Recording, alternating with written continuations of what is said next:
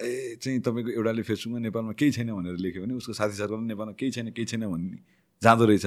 अनि नेपालमा साँच्चै केही छैन भन्ने भएर अनि अस्ट्रेलिया एकदम भन्ने आउँदो रहेछ क्या। वेरेज अस्ट्रेलिया किन जाने भन्ने विषय मलाई थाहा पनि हुँदैन। हाम्रो बजेटले कहिले पनि कन्सिस्टेन्ट नियम लिएकै छैन क्या। जसले गर्दाखेरि if you're looking as a producer if you're looking as a businessman you never feel competent you never feel confident enough to be investing in Nepal जस्तै योपालि पनि तपाईँको यति धेरै कुराहरूमा चाहिँ तपाईँको फेरबदल भयो नि।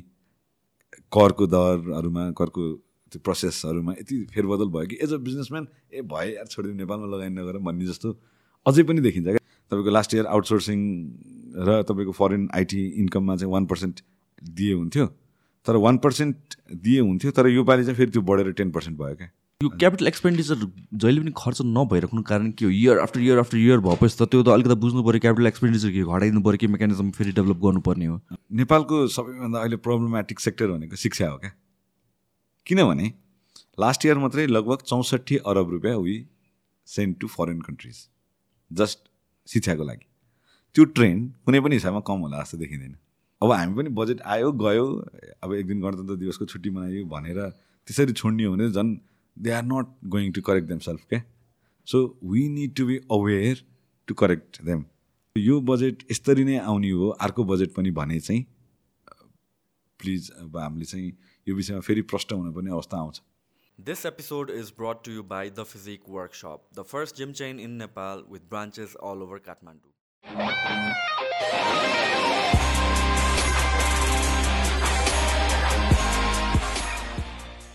ल सन्देश हामीको फेरि यो सेकेन्ड टाइम बजेट डिस्कस गर्न लाग्यो हामीहरूले। सिक्वेन्स सिक्वेन्सियल भयो सिक्वेन्सियल नै भयो। सो बेसिकली तपाईँकोलाई इन्ट्रोड्युस गर्नु पर्दाखेरि चार्टर्ड अकाउन्टेन्ट र भेरी इन्टु पोलिटिक्स इन्ट्रेस्ट भएको। सो पर्फेक्ट सब्जेक्ट भयो बजेट भन्ने बित्तिकै। एकदम एकदम। मलाई पर्सनली पनि एकदमै धेरै नै समय भयो। अलमोस्ट सात आठ वर्ष नै भयो बजेटमा अलिकति किनली हेरेर। त्यसलाई अलिकति डायग्नोसिस गर्ने र लङ टर्ममा के गर्छ यसले के भइरहेछ मिलायो कि मिलाएन भन्ने कुराहरू हेर्ने चाहिँ इन्ट्रेस्ट अब नट एकाडेमिकली एकदम यही नै हो बाबाले भन्ने त होइन तर पर्सनल इन्ट्रेस्टको आधारमा।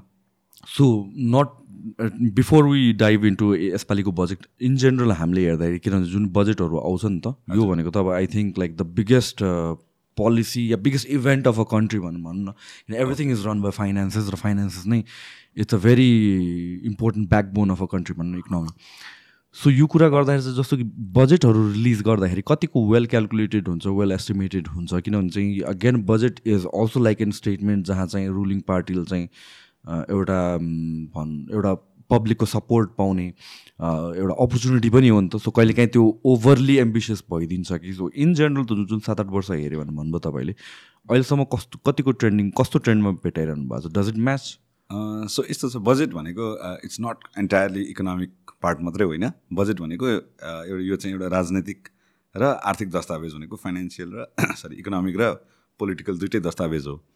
अब बजेट बनाउने एउटा एकदमै तपाईँको रेडिमेड प्र्याक्टिसेसहरू नै हुन्छ। ग्लोबली नै पनि नेपालमा पनि तपाईँको राष्ट्रिय योजना आयोगले बजेटको सिलिङ दिइसकेपछि प्रत्येक मन्त्रालयहरूलाई यतिको सिलिङभित्र बजेट बनाउने भनेर लगभग यतिको बजेट बनाउने यति इकोनोमिक ग्रोथको टार्गेट राख्ने यति इन्फ्लेसनको टार्गेट राख्ने भनेर त्यो अनुसार बनाएको हुन्छ।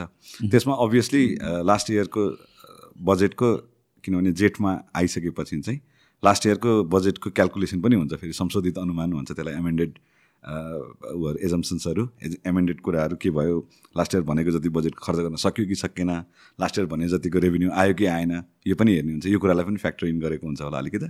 अनि त्यसपछि चाहिँ अगेन यो भनेको चाहिँ पार्टीले जुन घोषणापत्रमा आफ्नो मेनिफेस्टोमा लेखेको हुन्छ सकेसम्म त्यो कुरालाई नै तपाईँको चाहिँ बजेट मार्फत चाहिँ एक्जिक्युसनमा लाने र आफ्नो भोटरहरूलाई जुन उनीहरूले दिएको प्रमिस हुन्छ त्यसलाई पुरा गर्ने दस्तावेजको रूपमा बनाउँछ। जस्तै योपालि हेर्नुभयो भने तपाईँको कोखदेखि शोकसम्म भन्ने नारा चाहिँ नेपाली कङ्ग्रेसको घोषणापत्रमा पनि थियो। अब त्यही कुरा चाहिँ बजेटमा फेरि त्यसरी नै ट्रान्सक्राइब भएर आएको छ भनिसकेपछि यसलाई एउटा पोलिटिकल डकुमेन्ट पनि र यसलाई एउटा चाहिँ इकोनोमिक डकुमेन्ट दुइटैको रूपमा हेर्न मिल्छ। अब तपाईँले भन्नुभएको अर्को कुरामा चाहिँ के छ भने जुन ग्राभिटी हुनुपर्ने हो एउटा बजेटको भनेको जुन सबैलाई चाहिँ अलिकति एक्साइट गर्नुपर्ने लौ नै के आयो पालि बजेट कुन चाहिँ सेक्टरमा फोकस छ गभर्मेन्टको पोलिसी ओरिएन्टेसन कुनतिर छ अब हाम्रो लागि के हुन्छ क्यालकुलेसन गर्नुपर्ने भन्दा पनि धेरैजनाको अब जति मैले कुरा गर्छु धेरैजनाको चाहिँ अब यो आउँछ जहिले नि बजेट आउँछ एउटा कर्मकाण्डी हिसाबमा आउँछ आउनै पर्ने भएर आउँछ। अब यसले हामीलाई छुँदैन यो बनाउने प्रोसेस पनि हामीलाई थाहा हुँदैन हामी इन्गेज पनि भएको हुँदैन हामीलाई केही पनि आउँदैन जस्तो बजेट आए पनि फेरि अगेन त्यो कार्यविधिहरू बन्ने अथवा एक्जिक्युसनको जाने टर्ममा चाहिँ यो हुने होइन भन्ने किसिमको अलिकति पेसिमिस्टिक मेन्टालिटी नै हाबी भएको देख्छु मैले चाहिँ। किनभने एउटा सीमित व्यक्तिहरूले अब राजकीय भूमिकामा हुनुभएका व्यक्तिहरू मन्त्री सचिवज्यूहरू उहाँहरू अब एकदमै एक्टिभ हुनुभयो तर जस्तै जस्तै एकाडेमियालाई शिक्षा क्षेत्रमा को लागि अथवा तपाईँको एक्चुअल कृषकलाई कृषिको लागि अब बरु अलिकति एफएनसिसिआई सिएनआई थ्रु चाहिँ व्यापारीहरूको चाहिँ मागहरू सम्बोधन भएको देखिन्छ। तर त्यो बाहेक अरू पनि सेक्टरहरू हुन्छ जस्तै तपाईँको स्पोर्ट्सको लागि चलचित्रको लागि यिनीहरूको एउटा मास इन्गेजमेन्ट चाहिँ अलिकति कम भएको अथवा नभएको हो कि जस्तो पनि देखिन्छ। सो जति एक्साइटमेन्ट हुनपर्ने हो जति एक्साइटमेन्ट हुनपर्ने हो जति पार्टिसिपेटरी हुनपर्ने जति इन्क्लुजिभ हुनपर्ने हो त्यो नभएको चाहिँ सत्य हो फेरि। सो इन जेनरल अरू ठाउँमा चाहिँ कस्तो हुन्छ? यो इङ्गेजमेन्ट हुन्छ? कि this comes from again like सबैलाई इङ्गेज गर्नुपर्ने हो कि होइन भन्ने पनि अब ग्राउन्ड रियालिटी बुझ्नको लागि त गर्नु पऱ्यो बट देन बजेटमा कतिको से हुन्छ? किनभने अगेन ड्राफ्टिङ पोलिसी भनेको त अर्को लेभल अफ एक्सपर्टिज चाहिन्छ होला। बाहिरको कमन प्र्याक्टिस त के हो? यस्तो छ? बाहिरको ठ्याक्कै मैले रिसर्च गरेको छैन त्यो भएर मैले त्यसरी भनिहाल्नु मिल्दैन। तर जस्तै अब म तपाईँलाई नै सोधेँ। जस्तै गभर्मेन्टले तपाईँको लगभग वैशाखको मिडतिर होला सायद। बजेटमा तपाईँहरूको केही सजेसन छ भने लेख्नुहोस्। भनेर चाहिँ एउटा सर्वे एउटा फर्म जस्तो चाहिँ मिनिस्ट्री अफ फाइनेन्सको वेबसाइटमा हालेको थियो। अब त्यो कतिजनाले भन्नु भने मैले अहिलेसम्म अब बिसजना जतिलाई सोधेँ होला कसैलाई थाहा पनि छैन। थाहा छैन। होइन? भनेको गभर्मेन्टको हामी तपाईँ आफै हेर्नु न। तपाईँ हामी नै हेर्दाखेरि हामीलाई कतिको इन्गेजमेन्ट गऱ्यौँ हामी कति जान खोज्यौँ कतिलाई इन्भाइट गऱ्यो कति ओपन हार्टेडली उसले चाहिँ मिनिस्ट्री अफ फाइनेन्सले इन्गेज गराउन खोज्यो भन्ने कुरा हेर्दाखेरि चाहिँ त्यो तपाईँको आइडियली जस्तो भए पनि प्र्याक्टिकली चाहिँ इट इज नट टच्ड जतिजनासँग कुरा गरिन्छ त्यो चाहिँ हो फेरि। ओके सो यो बजेटको कुरा गरौँ। यो बजेटको यो बजेटको कुरा गर्ने कि भन्दा अगाडिको बजेटको अलिकति कुरा गर्नु मिल्छ? मिल्छ। I mean like in terms of जुन प्रोजेक्टेड थियो त्यो अनुसारले आउटकम चाहिँ कस्तो भयो लास्ट लास्ट इयरको प्रोजेक्सन अनुसारको बेसिसमा चाहिँ? यस्तो छ। सबैभन्दा पहिला त्यसमा गर्नुपर्ने कुरा चाहिँ के हो भने जुन लामो एउटा पोलिटिकल ट्रान्जिसनबाट हामी आयौँ हाम्रो यो पोलिटिकल ट्रान्जिसन पछिको यो जुन दोस्रो आम निर्वाचन भयो सेकेन्ड जेनरल इलेक्सन संविधान पछिको त्यसपछि तपाईँको जुन बजेटहरू टाइममा आउन थाल्यो नि संविधानपछि which is a good thing क्या? तपाईँले मलाई सोध्नुहुन्छ भने मैले सायद लास्ट टाइम पनि भनेको थिएँ होला स्टेबिलिटी इज द कि राइट बजेट जेठ पन्ध्रमा आउँछ भने जुन स्टेबिलिटी छ नि त्यो नै आफैमा एउटा राम्रो पार्ट हो क्या? सो म चाहिँ बजेट टाइममा आयो भन्ने कुरा पनि एकदमै एप्रिसिएटिभ छु। किनभने कहिले आउँछ के आउँछ कस्तो आउँछ कसले ल्याउँछ भन्ने कुराहरूमा धर्म त भएन नि त।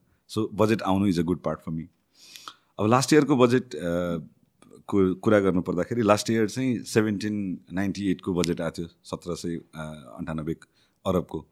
अब त्यो बजेटको तपाईँको कार्यान्वयनको सीमा हेर्नुहुन्छ भने त्यो बजेटले लिएका जुन लक्ष्यहरू थिए त्यो चाहिँ पुरा हुने अवस्थामा रहेनन् जस्तै तपाईँको चाहिँ इकोनोमिक ग्रोथको जुन टार्गेट ल्याएको थियौँ हाम्रो जम्मा टु पोइन्ट वान सिक्स भयो। अब इन्फ्लेसनको जुन टार्गेट ल्याएको थियौँ सेभेन पर्सेन्टमा कन्टेन गर्ने त्यो पनि अफिसियल डेटामा सेभेन पोइन्ट एट पर्सेन्टको देखियो होइन? अब त्यतिखेर पनि तपाईँको चाहिँ लगभग लगभग जुन बजेट खर्च गर्नुपर्छ भन्ने थियो अब त्यो खर्च गर्न हामीले सकेनौँ। त्यो खर्च चाहिँ तपाईँको जम्मा sixty seven point nine percent मात्रै हामीले चाहिँ पुँजीगत खर्च गर्न सक्यौँ। जम्मा अठासी पर्सेन्ट चाहिँ हामीले चालु खर्च रेभेन्यू एक्सपेन्डिचर गर्न सक्यौँ। सो त्यसले गर्दाखेरि हाम्रो लास्ट इयरको बजेटको ठ्याक्कै समीक्षा गर्नु पर्दाखेरि यो रसिया युक्रेन वारले गर्दाखेरि जुन सप्लाई चेनमा परेको इम्प्याक्ट प्लस कोभिडबाट आएको त्यो डिराइभ इम्प्याक्ट त्यसले गर्दाखेरि लास्ट इयरको बजेट चाहिँ सही कार्यान्वयन हुन सकेन। प्लस लिक्विडिटी क्रन्चले गर्दाखेरि पनि नेपाल सरकारले जुन ऋण उठाउनु पर्ने हो त्यसमा पनि अलिकति कमी भयो। बाहिरबाट आउनुपर्ने अनुदानहरू ऋणहरू पनि एकदमै कम आयो। त्यो भएको भएर लास्ट इयरको बजेटको इम्प्लिमेन्टेसन तपाईँले हेर्नु भने त्यसलाई साठी पर्सेन्ट मार्क दिँदाखेरि ठिकै हुन्छ होला। Okay okay so this is because external फ्याक्टर्सहरूले majority कि प्ले गर्यो डिभेट गर्नको लागि। कि मैले बुझ्न खोजेको कन्टेक्स विथ दिस क्वेसन्सहरू के हो भनेपछि जुन बजेटमा आउँछ यति यति पर्सेन्ट ग्रोथ गर्छौँ या भन्छ यति पर्सेन्टमा चाहिँ हामीहरू इन्फ्लेसन भन्न होल्ड गर्छौँ कन्टेन गर्छौँ भनेर भन्छौँ। यो यो नम्बर्सहरू is it to please the public कि यसको पछाडि एक्चुअल लाइक वर्किङ गएको हुन्छ र एक्चुअल थिङ्किङ प्रोसेस गएको हुन्छ जसले गर्दा दिज आर मोरलेस एक्चुअली नै यस्तो हुन सक्ने चान्सेस भेरी हाई भनेर प्रोजेक्ट गरे हुन्छ। यस्तो छ। अब अगेन तपाईँको यो बजेट भनेको इकोनोमिक र पोलिटिकल दुइटै हो। त्यही कुरा नै यहाँ जोडिन्छ क्या। जस्तै तपाईँको वेन लास्ट टाइमको बजेटमा एट पर्सेन्ट ग्रोथ आयो। लास्ट टाइमको बजेटको पनि सर्टेन केही राम्रो पार्टहरू थियो। एट पर्सेन्टको ग्रोथ जुन टार्गेट लिएको थियो त्यो चाहिँ अलिकति अनरियलिस्टिक नै भन्ने थियो। त्यसको धेरै फ्याक्टरहरू थियो किनभने कोभिड पछि बल्ल बल्ल तङ्ग्रिरहेको इकोनोमी थियो तपाईँको ग्लोबल नै इकोनोमी स्लो डाउन थियो टुरिज्मबाट त्यति आउने थिएन। प्लस हाम्रो अनुदानको पनि त्यति आउने थिएन प्लस तपाईँको डोमेस्टिक बोरोइङ पनि त्यति हुने सम्भावना थिएन। तर पनि अब तपाईँको सत्र सय अन्ठानब्बे अरबको बजेट आइराख्दाखेरि अब यसले चाहिँ झन् इन्फ्लेसनरी प्रेसर बढाउने हो कि होइन? अब तपाईँको ग्राउन्डमा रियालिटी सेट नहुँदाखेरि चाहिँ इकोनोमिक ग्रोथ त्यति नहुने झन् इन्फ्लेसन मात्रै बढ्ने हो कि भन्ने डाउट थियो। तर फेरि एज अ फाइनेन्स मिनिस्टर र as a as a deeply politicise budget हुँदाखेरि चाहिँ के हुँदो रहेछ भने अब होइन चार पर्सेन्ट मात्रै ग्रोथ हुन्छ भन्यो भने झन् झन् पोलिटिकल प्रेसर पर्ने जस्तो क्या। चार पर्सेन्ट ग्रोथ हुन्छ अनि आठ पर्सेन्ट इन्फ्लेसन हुन्छ भन्यो भने त यो त खतमै रहेछ। भनेको अब यो यो सरकार त झन् खतम भयो भन्ने कुरा हुन्छ। सो हाम्रोमा के देखिन्छ भने ओभर कमिटमेन्ट गर्ने हाम्रो बानी चाहिँ टेक्निकली ओभर कमिट गर्ने एक्जिक्युसनमा फितलो भइदिने क्या। राइट हुनुपर्ने उल्टो हो नि त खासमा। कमिट गर्दाखेरि चाहिँ बरु अलिकति नेगोसिएट गर्ने कमिट गर्दाखेरि चाहिँ बरु तपाईँको अलिकति टाइट कमिट गर्ने। Pro- हो अन्डर प्रमिसकै र ओभर प्रमिसकै कुरा भयो। तर हाम्रोमा चाहिँ एक्ज्याक्ट अपोजिट छ। सो त्यसले गर्दाखेरि पनि यस्तै यस्तै घटनाहरू सिरिज अफ यही इभेन्टले गर्दाखेरि हाम्रो बजेटप्रतिको विश्वसनीयता चाहिँ कम भएको। राइट सो जुन अब यसपालिको कुनै कुरा छ जस्तो six percent GDP growth I think six percent रहनु भनेको छ सो अगेन यो नम्बर्स कहाँबाट आउँछ भन्ने बुझ्न खोजेको like do you think six percent growth हुनसक्छ डिस्पाइट अफ द मार्केट जुन हिसाबले अहिले छ I think one of the worse सिचुएसन्समा in the recent time economically छौँ हामी। सो सिक्स पर्सेन्ट पोसिबल होला अहिले हेरेर कि कि त्यसको पछाडि पनि some sort of again public सेन्टिमेन्टलाई चाहिँ पोजिटिभ टुवर्ड डिरेक्सनतिर लग्ने एउटा बाटो। अँ, यस्तो छ तपाईँको नेपाल सरकारले लास्ट इयरको बजेटमा आठ पर्सेन्ट ग्रोथ रेटको कुरा गरिरहँदाखेरि आइएमएफ र world ब्याङ्कहरूले four point one nine percent चाहिँ ग्रो हुन्छ भन्ने एजम्सन गरेको थियो। उनीहरूले उनीहरूको प्रेडिक्सन त्यस्तो थियो तर टू पोइन्ट वान सिक्समा गएर अड्कियो ग्रोथ रेट सो त्यो भएको हुँदाखेरि सिक्स पर्सेन्ट हुन्छ कि हुँदैन भन्ने कुरा हेर्नको लागि चाहिँ अलि अलिकति प्रिमेच्योर नै हुन्छ। त्यसको लागि अरू पनि भेरियस ठाउँबाट cross verification so it's not like completely ridiculous छ होइन? कम्प्लिटली रिडिकुलस चाहिँ होइन। तपाईँको अब त्यसमा तिस चालिस पर्सेन्ट डेभिएसन होला। तर मोर मोर अलिकति लास्ट टाइमभन्दा मोर प्र्याग्मेटिक अलिकति रियलिस्टिक चाहिँ छ जस्तो लाग्छ मलाई। अब किन भनेर म तपाईँलाई मैले यो योपालिको बजेटमा इन्टर गरेँ। अब योपालिको बजेट चाहिँ मैले हेर्दाखेरि तपाईँको संसदीय निर्वाचन पछिको पहिलो बजेट हो नि त। इलेक्टेड नयाँ संसद बनिसकेपछिको पहिलो बजेट हो। So if you were to look in terms of like economic stability so this was the best time to deliver a good budget तपाईँको चाहिँ पाँच वर्षसम्म यो सरकार रहन्छ र पाँच वर्षसम्म चाहिँ एटलिस्ट अब नीति नियम चेन्ज हुँदैन। अथवा पाँच वर्षमा हाम्रो भिजन यो हो। पाँच वर्षको लागि चाहिँ एटलिस्ट बनाउनु पर्नेमा अगेन पोलिटिकल इन्स्टेबिलिटी अब यो विभिन्न पर्मिटेसन कम्बिनेसन अफ गभर्मेन्टले गर्दाखेरि सायद यो गभर्मेन्टले पनि एक वर्षको लागि मात्रै बजेट बनाएको हो कि जस्तो लाग्यो मलाई। सो जुन जुन जुन स्टेबिलिटी साथ okay will be governing for five years त्यो फाइभ इयर्ससम्म चाहिँ हामी क्रमशैसँग चाहिँ यसरी बजेट बनाउँदै जान्छौँ। किनभने बजेट भनेको वान इयर मात्रै फेनोमेना होइन नि त। यो त तपाईँको ग्रेजुअल सिक्वेन्सियल कुराहरू। सो सबैभन्दा पहिलो कुरा चाहिँ मेरो अलिकता यो बजेटमा मेरो क्याभियाट चाहिँ त्यहाँनिर छ एउटा। अब अर्को चाहिँ तपाईँको यो बजेटको let's go into a good parts जस्तै सबैभन्दा हाम्रो पहिल्यैदेखिको प्रब्लम चाहिँ क्यापिटल एक्सपेन्डिचरमा थियो क्या। तपाईँको स्टडी नगरिकन तपाईँको पुँजीगत खर्च क्यापिटल इन्भेस्टमेन्ट गर्ने भनेर बजेटमा राखिदिने। अब पैसा कहाँबाट आउँछ भन्ने थाहा नभइकन पनि फेरि स्रोत सुनिश्चित नभइकन पनि बजेटमा राखिदिने।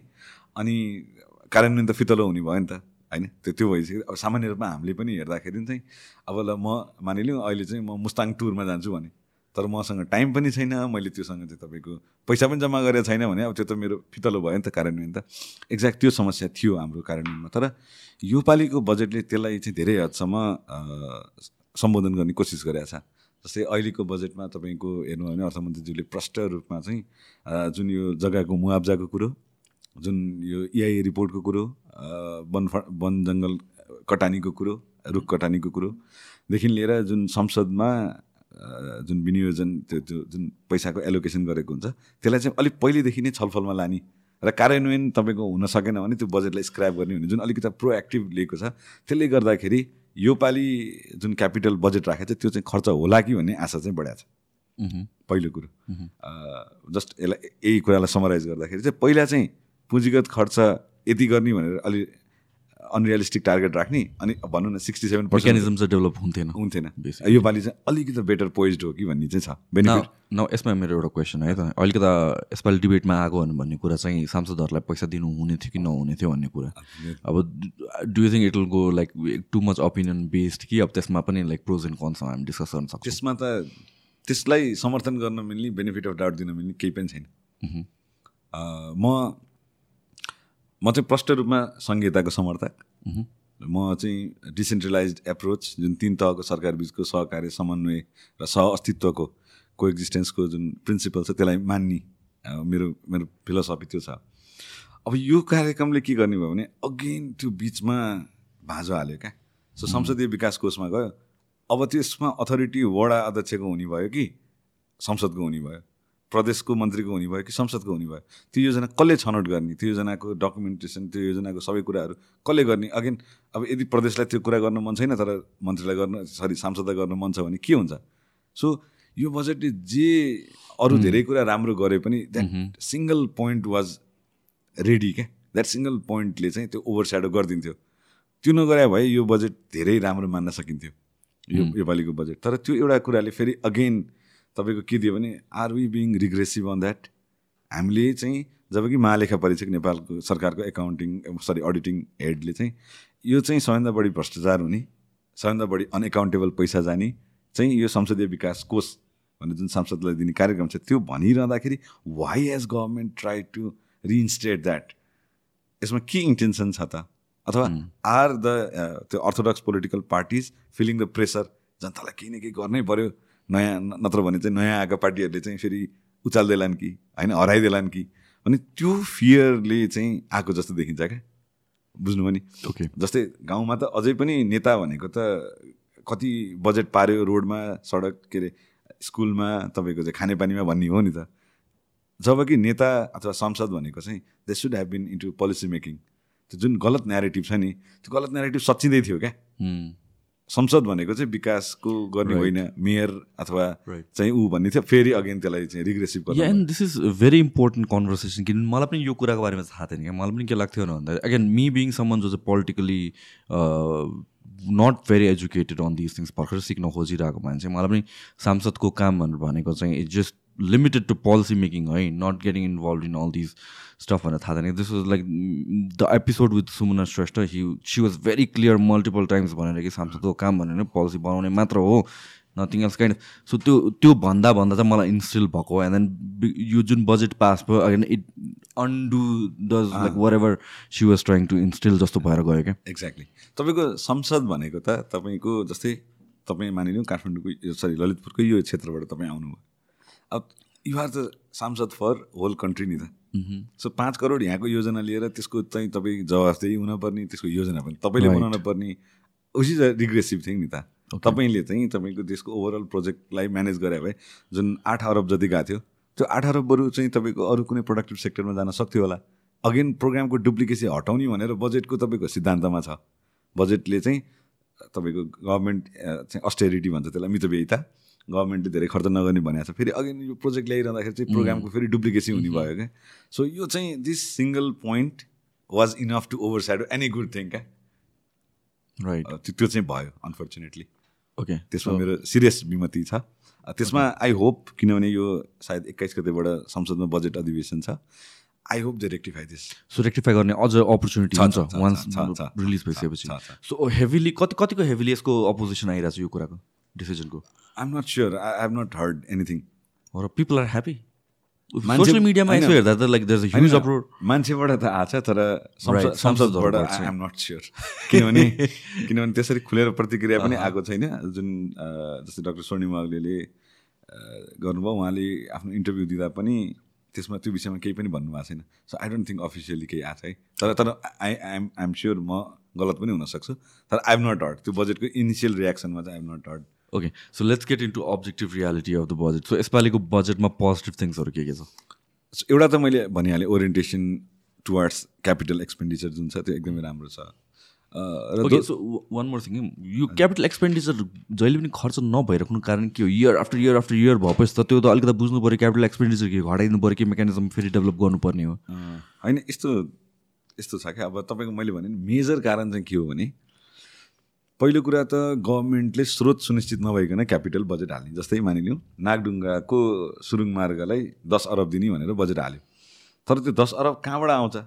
दस अरब त तपाईँको ट्याक्स उठाएर हाम्रो चाहिँ तपाईँको ट्याक्स रेभेन्यू र हामीले गर्नुपर्ने चाहिँ जुन तलब भत्ताको कुरा छ त्यो म्याच हुन्छ क्या।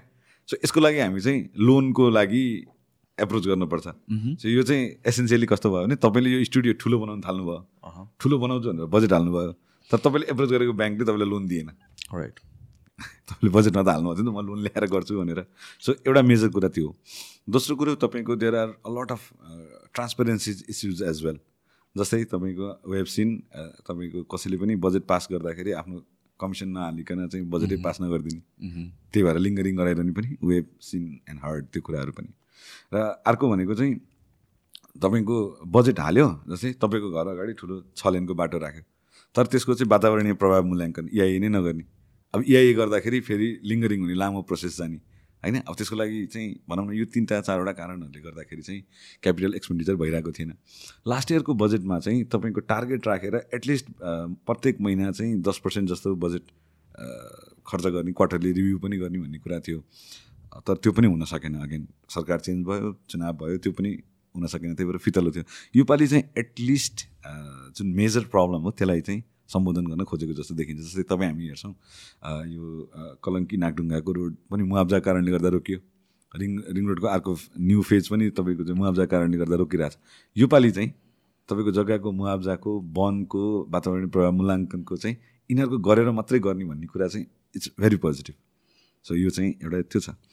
अर्को चाहिँ गभर्मेन्टले नट एन्टायरली ह्याप्पी तर ओरिएन्टेसन लिएको चाहिँ सरकारी खर्चमा अस्टेरिटी अलिकति कम खर्च गर्ने भन्ने छ जसको लागि चाहिँ तपाईँको अत्यावश्यकभन्दा बाहेकको विदेश भ्रमणहरू नगर्ने अनि तपाईँको चाहिँ अलिकति डिफङ्क्ट खालको अलिकति डुप्लिकेट भएका संस्थान सरकारी संस्थानहरू बिसवटा जतिलाई गाभ्ने एकै ठाउँमा गाभ्ने अथवा खारेज गर्ने केही त्यस्तो कुराहरू अनि तपाईँको नयाँ बिल्डिङहरू नबनाउने नयाँ कन्सल्टिङ कामहरू ठुलो प्रोजेक्ट नगर्ने अनि त्यसपछि तपाईँको गाडीहरू अनयुज गाडीहरू लिलाम गर्ने तपाईँको पेट्रोलको कुपनभन्दा पनि पैसा दिने भने यस्तो कुराहरूले गर्दाखेरि चाहिँ अगेन गभर्मेन्टको सरकारी खर्च कम गर्ने ओरिएन्टेसन चाहिँ हो भन्ने देखिन्छ। तर पनि अब त्यसको कार्यान्वयनमा डाउट छ किनभने त्योभन्दा अगाडि पनि नेपाल सरकारले सरकारी संयन्त्रहरू चाहिँ के हुनपर्छ कस्तो लिन मोडलमा जानुपर्छ भनेर एउटा प्रतिवेदनै बनाएको छ खर्च गरेर। तर त्यसको चाहिँ हुबहु म कार्यान्वयन गर्छु। सबै खर्च चाहिँ एकदमै खर्चलाई प्रोडक्सनसँग अथवा खर्चलाई भ्याल्युसँग लिङ्क गर्छु भन्ने आँट चाहिँ देखिएन फेरि again. But still a good orientation भनौँ न। त्यो त्यो एउटा देखिन्छ। जस्तै एउटा यसमा एकदमै मेरो नन इकोनोमिकल कुरा चाहिँ जस्तै हाम्रोमा तपाईँको चाहिँ एटलिस्ट सरकारी कार्यहरूमा चाहिँ तपाईँको सरकारी कार्यालयहरूमा यदि नेपालमा बन्ने प्रोडक्टहरू रहेछ भने बाहिरको प्रोडक्टहरू एलाउ नगर्ने भन्ने नियम ल्याउँदा के हुन्थ्यो होला भन्ने लाग्छ कि मलाई जहिले पनि। भनौँ न जस्तै सामान्य कुरा क्या टिस्यु पेपर अब त्यो टिस्यु पेपर त तपाईँको चाहिँ मन्त्रालयमा युज हुने टिस्यु पेपरहरू अहिले पनि हामी हेर्छौँ मलेसियन अथवा इन्डियन चाइनिज ब्रान्डहरू हुन्छ। त त्यो त्यो टिस्यु पेपर त नेपालमा पनि बन्छ नि। सो नेपालमा बन्छ हाइएस्ट क्वालिटी चाहिएर त भएन नि त। So Nepali प्रोडक्टहरूलाई how can we encourage Nepali market कसरी बढाउने? डिमान्ड नेपाली प्रोडक्टको डिमान्ड कसरी बढाउने भन्ने विषयमा चाहिँ they could have enforced right क्या? त्यो कसैले पनि विरोध गर्थेन। तपाईँ हामीले विरोध गर्नु पनि कारण हुन्थ्यो त? हुन्थेन नि त। तपाईँको होइन? अब त्यो एउटा कुरामा चाहिँ अलिकति चुकेको हो कि भन्ने जस्तो पनि लाग्छ मलाई। सो यो यही कन्भर्सेसनमा आउँदाखेरि similar thing can be apply to जहिले पनि कन्भर्सेसनमा आउने कुरा भनेको चाहिँ एग्रिकल्चरको कुरा आउँछ सो डु यु थिङ्क त्यसमा पनि हामी सेल्फ सस्टेन हुनुपर्छ लाइक बाई बोय कटिङ बाहिरबाट ल्याएको प्रडक्ट्सहरू इफ हामी नेपालमा प्रड्युस हुनसक्छ भने चाहिँ again things like economy of स्केलहरू आउँछ होला क्वालिटीको कुराहरू आउँछ होला but this things I think job primarily market भयो भने त यो पनि not now maybe five years down the line त इम्प्रुभ हुन्छ होला सेल्फ सस्टेनेबिलिटीतिर जान सकिन्छ होला अलिकति महँगो पर्न जान्छ होला but still can we be Nepal self sustain हुन्छ होला in terms of agricultural stuff यो यो अलिकति कम्प्लेक्स नै क्वेसन हो। तर एउटा कुरा चाहिँ हाम्रो फिलोसफिकली के एग्री गर्नुपर्छ भने जुन आन्तरिक जस्तै यहाँको किसानहरूलाई अपलिफ्ट नगरिकन बाहिरको उत्पादनलाई निरुत्साहन गर्न भनेको डिस्करेज गर्ने भने यसले ट्विन प्रब्लम लिएर आउँछ। So the the thing is जुन हाम्रो कन्ट्रोलमा छ नि जस्तै हाम्रो एग्रिकल्चरको योपालि म अघि आउँदै थिएँ ब्याड पार्टमा म आउँदै थिएँ। हाम्रो एग्रिकल्चरलाई हामीले अझै पनि हाम्रो in terms of labour force in terms of हाम्रो जिडिपीमा टप मानिरहेका छौँ। भने त्यो एग्रिकल्चरको लागि हाम्रो प्राग्मेटिक भिजन यो कृषिमा चाहिँ भएका मुख्य समस्याहरू यिनीहरू यिनीहरू यिनीहरू हुन् र यसलाई समाधान गर्ने यसरी यसरी यसरी भन्ने कुरामा चाहिँ यो बजेट आई वाज एक्सपेक्टिङ अलिकति धेरै यो बजेटबाट तर के भयो रासायनिक मलमा तपाईँको बजेट इन्क्रिज गरेर कृषिमा भएको ओभरअल बजेट चाहिँ बढ्यो। बट स्टिल तपाईँको हाम्रो यो बजेटले प्राथमिकताको क्षेत्र मान्न पर्ने मलाई जहाँसम्म लाग्छ शिक्षा तपाईँको कृषि र तपाईँको चाहिँ इन्डस्ट्रीमा थियो। तर त्यो कुरामा अलिकति भनौँ न थोरै छोडेकै हो कि जस्तो पनि लाग्छ। अब तपाईँको कृषिमा ओभरअल बजेटको जुन पर्सेन्टेज छ त्यो त्यति एकदमै ओभरवेल्मिङ छैन। त्यो एकदमै स्ट्रिक्टली ओके टाइपको छ। अब तपाईँको यदि हामीले यहाँको उत्पादनबाट हामी सस्टेनेबिलिटी हुने हो भने फुड सभरेन्टीमा जाने हो भने हाम्रो किसानहरू हाउ सबैभन्दा पहिलो कुरा त how can we protect them हामी तपाईँको एग्रिकल्चरमै किसानलाई रहिरहनलाई कसरी बचाउन सक्छौँ भन्ने कुराबाट जानु पऱ्यो नि त जस्तै त्यसको लागि एक्सेस टु फाइनेन्सको कुरा हुनु पऱ्यो अहिले पनि नेपालको एग्रिकल्चरको मेजर प्रब्लम भनेको एक्सेस टु फाइनेन्स नै हो। तपाईँको फाइनेन्सको एक्सेस छैन मार्केटको बारेमा नलेज छैन तपाईँको चाहिँ कुनै एउटा औपचारिक कृषि छैन। मान्छेलाई अझै पनि कृषि भनेको चाहिँ एउटा निर्वाहमुखी सब्सिस्टेन्स मात्रै हो। यो चाहिँ एउटा व्यवसाय हुनसक्छ भन्ने नै ओरिएन्टेसन नै छैन। त्यो त गभर्मेन्टले गराउनु पऱ्यो नि त होइन? अनि त्यसपछि तपाईँको चाहिँ जुन इकोनोमिज अफ स्केल भन्नुभयो इकोनोमिज अफ स्केललाई हामीले धेरैचोटि धेरैचोटि सुन्यौँ क्या यो वैज्ञानिक भूमि सुधार तपाईँको करार खेती चक्लाबन्दी भनेर यो योपालिको बजेटमा पनि छ। तर त्यो कुरा चाहिँ के भने जहिले पनि हुन्छ कार्यान्वयन हुँदैन भन्ने कुरा हो। सो योपालिको बजेटबाट आई वाज होपिङ कि त्यो विषयमा चाहिँ अलिकति मोर डिरेक्टेड मोर अब्जेक्टिभ कुराहरू आउँछ भनेर मैले सोचिरहेको थिएँ। तर खासै केही पनि नयाँ कार्यक्रम आएन।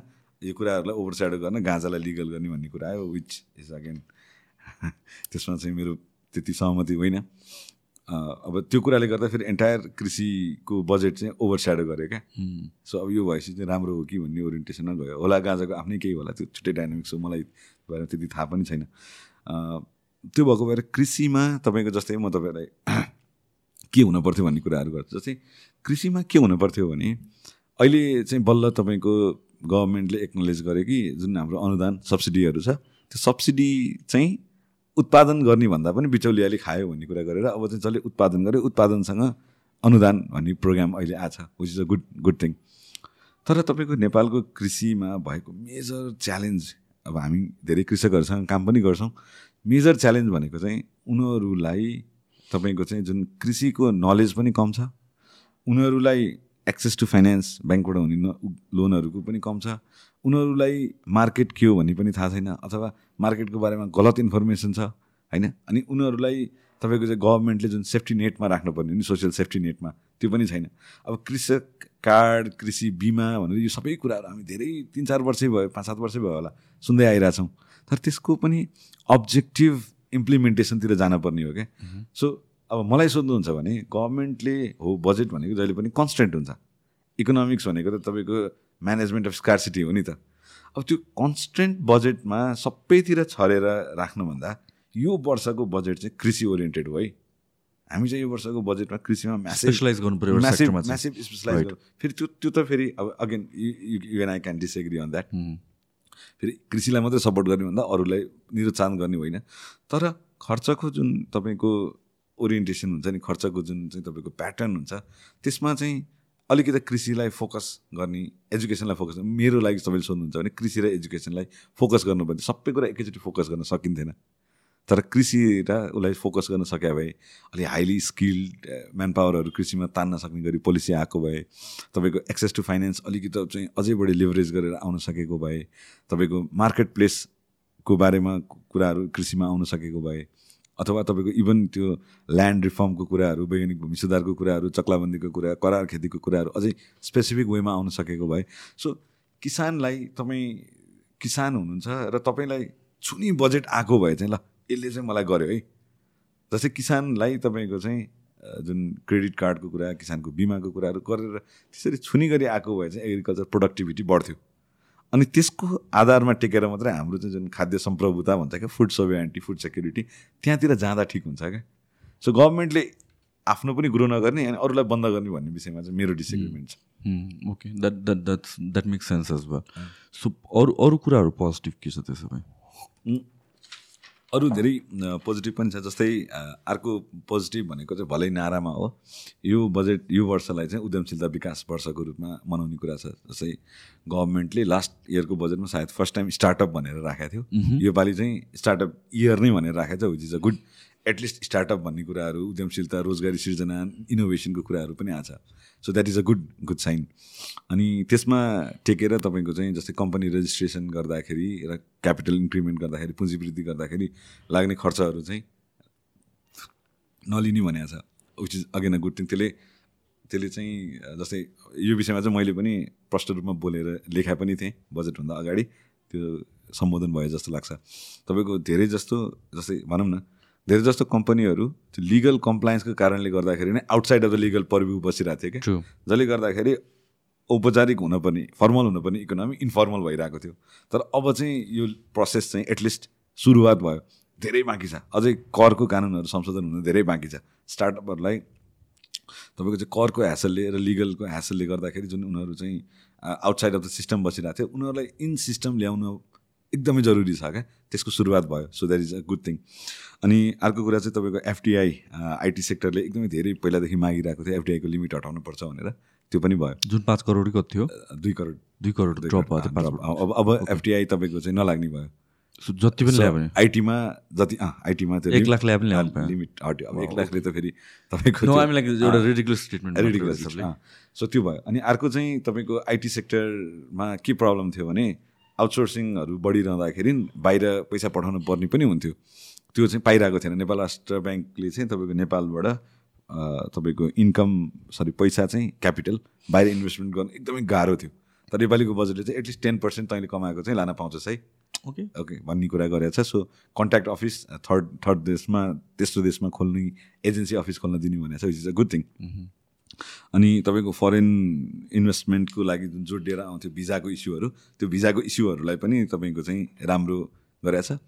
अनि अर्को चाहिँ तपाईँको जुन प्राइभेट सेक्टरले फरेन क्यापिटल मार्केटबाट पैसा ल्याउन पैसा यहाँ चाहिँ एज अ लोन ल्याउन सक्ने जुन पहिला अलिकति च्यालेन्जेसहरू थियो। अब यो कसरी आउँछ तपाईँको चाहिँ एक्ज्याक्ट कार्यविधि भन्ने चाहिँ हेर्न बाँकी छ बट अगेन गभर्मेन्टले एउटा बाटो त खोल्दैछ। एउटा एउटा बाटो चाहिँ खोल्दैछ। So this these are the good thing भनौँ न। सो गभर्मेन्टले योपालिको बजेटमा गरेको मेजरली हामीले भन्नु पर्दाखेरि चाहिँ यो एकदमै राम्रो गरेको यो। अनि अर्को एउटा अगेन इम्प्लिमेन्टेसनमा डाउट छ तर अर्को अगेन राम्रो गरेको चाहिँ जुन हाम्रो पब्लिक प्राइभेट पार्टनरसिप मोडलमा जुन हाम्रो इन्फ्रास्ट्रक्चर डेभलपमेन्टहरू हुने भन्ने थियो त्यसमा चाहिँ भएको ग्यापलाई पुरा गर्ने चाहिँ भाइबिलिटी ग्याप फन्डिङ भन्छ भिजिएफ भन्थ्यो त्यो भिजिएफको लागि चाहिँ बाटो अलिकति तपाईँको चाहिँ खुला गरेको जस्तो देखिन्छ। So which is again a good thing अनि अर्को चाहिँ मैले नोट गरेको हेर्थेँ। सो अर्को चाहिँ तपाईँको के छ भने जुन पेट्रोलमा अनि खाद्यान्नमा जुन हाम्रो चाहिँ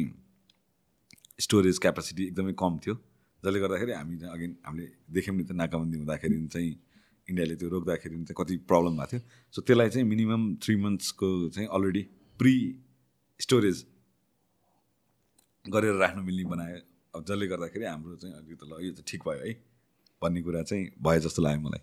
सो मोटामोटी रूपमा तपाईँको राम्रो पार्टहरू यही नै हो। अब अरू कुराहरू भनेको चाहिँ तपाईँको अब इम्प्लिमेन्टेसन जाँदा के हुन्छ भन्ने कुराहरू त मैले सुरुमै भनेको थिएँ नि। राइट तपाईँको बजेट आउँछ मान्छे एक्साइट हुन्छ फेरि कार्यान्वयन हुँदैन। त्यसले गर्दाखेरि पर्सिस्टेन्टली त्यो भइरहँदाखेरि चाहिँ मान्छेमा अलिकति निराशा छाकै छ। अगेन फेरि त्यो कुरा निराशा नभइकन बजेटलाई सरस्वती अन द फेस रिड गर्दाखेरि चाहिँ त्यस्तो देखिन्छ। सो ब्याड पार्टमा जाँदाखेरि चाहिँ like what's downside bad पार्टमा जाँदाखेरि सबभन्दा पहिलो ब्याड पार्ट त संसदीय विकास कोष हेर्नुहोस्। त्यो अघि अघि जुन हामीले कुरा गरिसक्यौँ त्यो चाहिँ त्यो- ब्याडेस्ट हुन्छ भने त्यो ब्याडेस्ट पार्ट हो। ग्रामेटिकली रङ भयो भने त्यो ब्याडेस्ट पार्ट त्यो चाहिँ एकदमै भयो।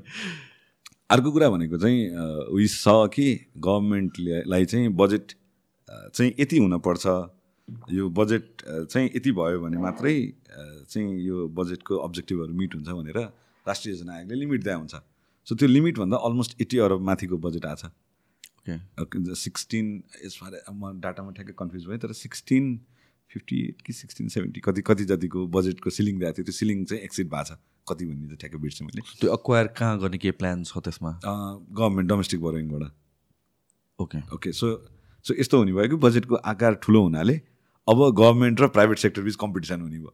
कसले पैसा लिने बुझ्नु भने। सो त्यो चाहिँ एउटा अर्को मेजर प्रब्लम लाग्छ मलाई।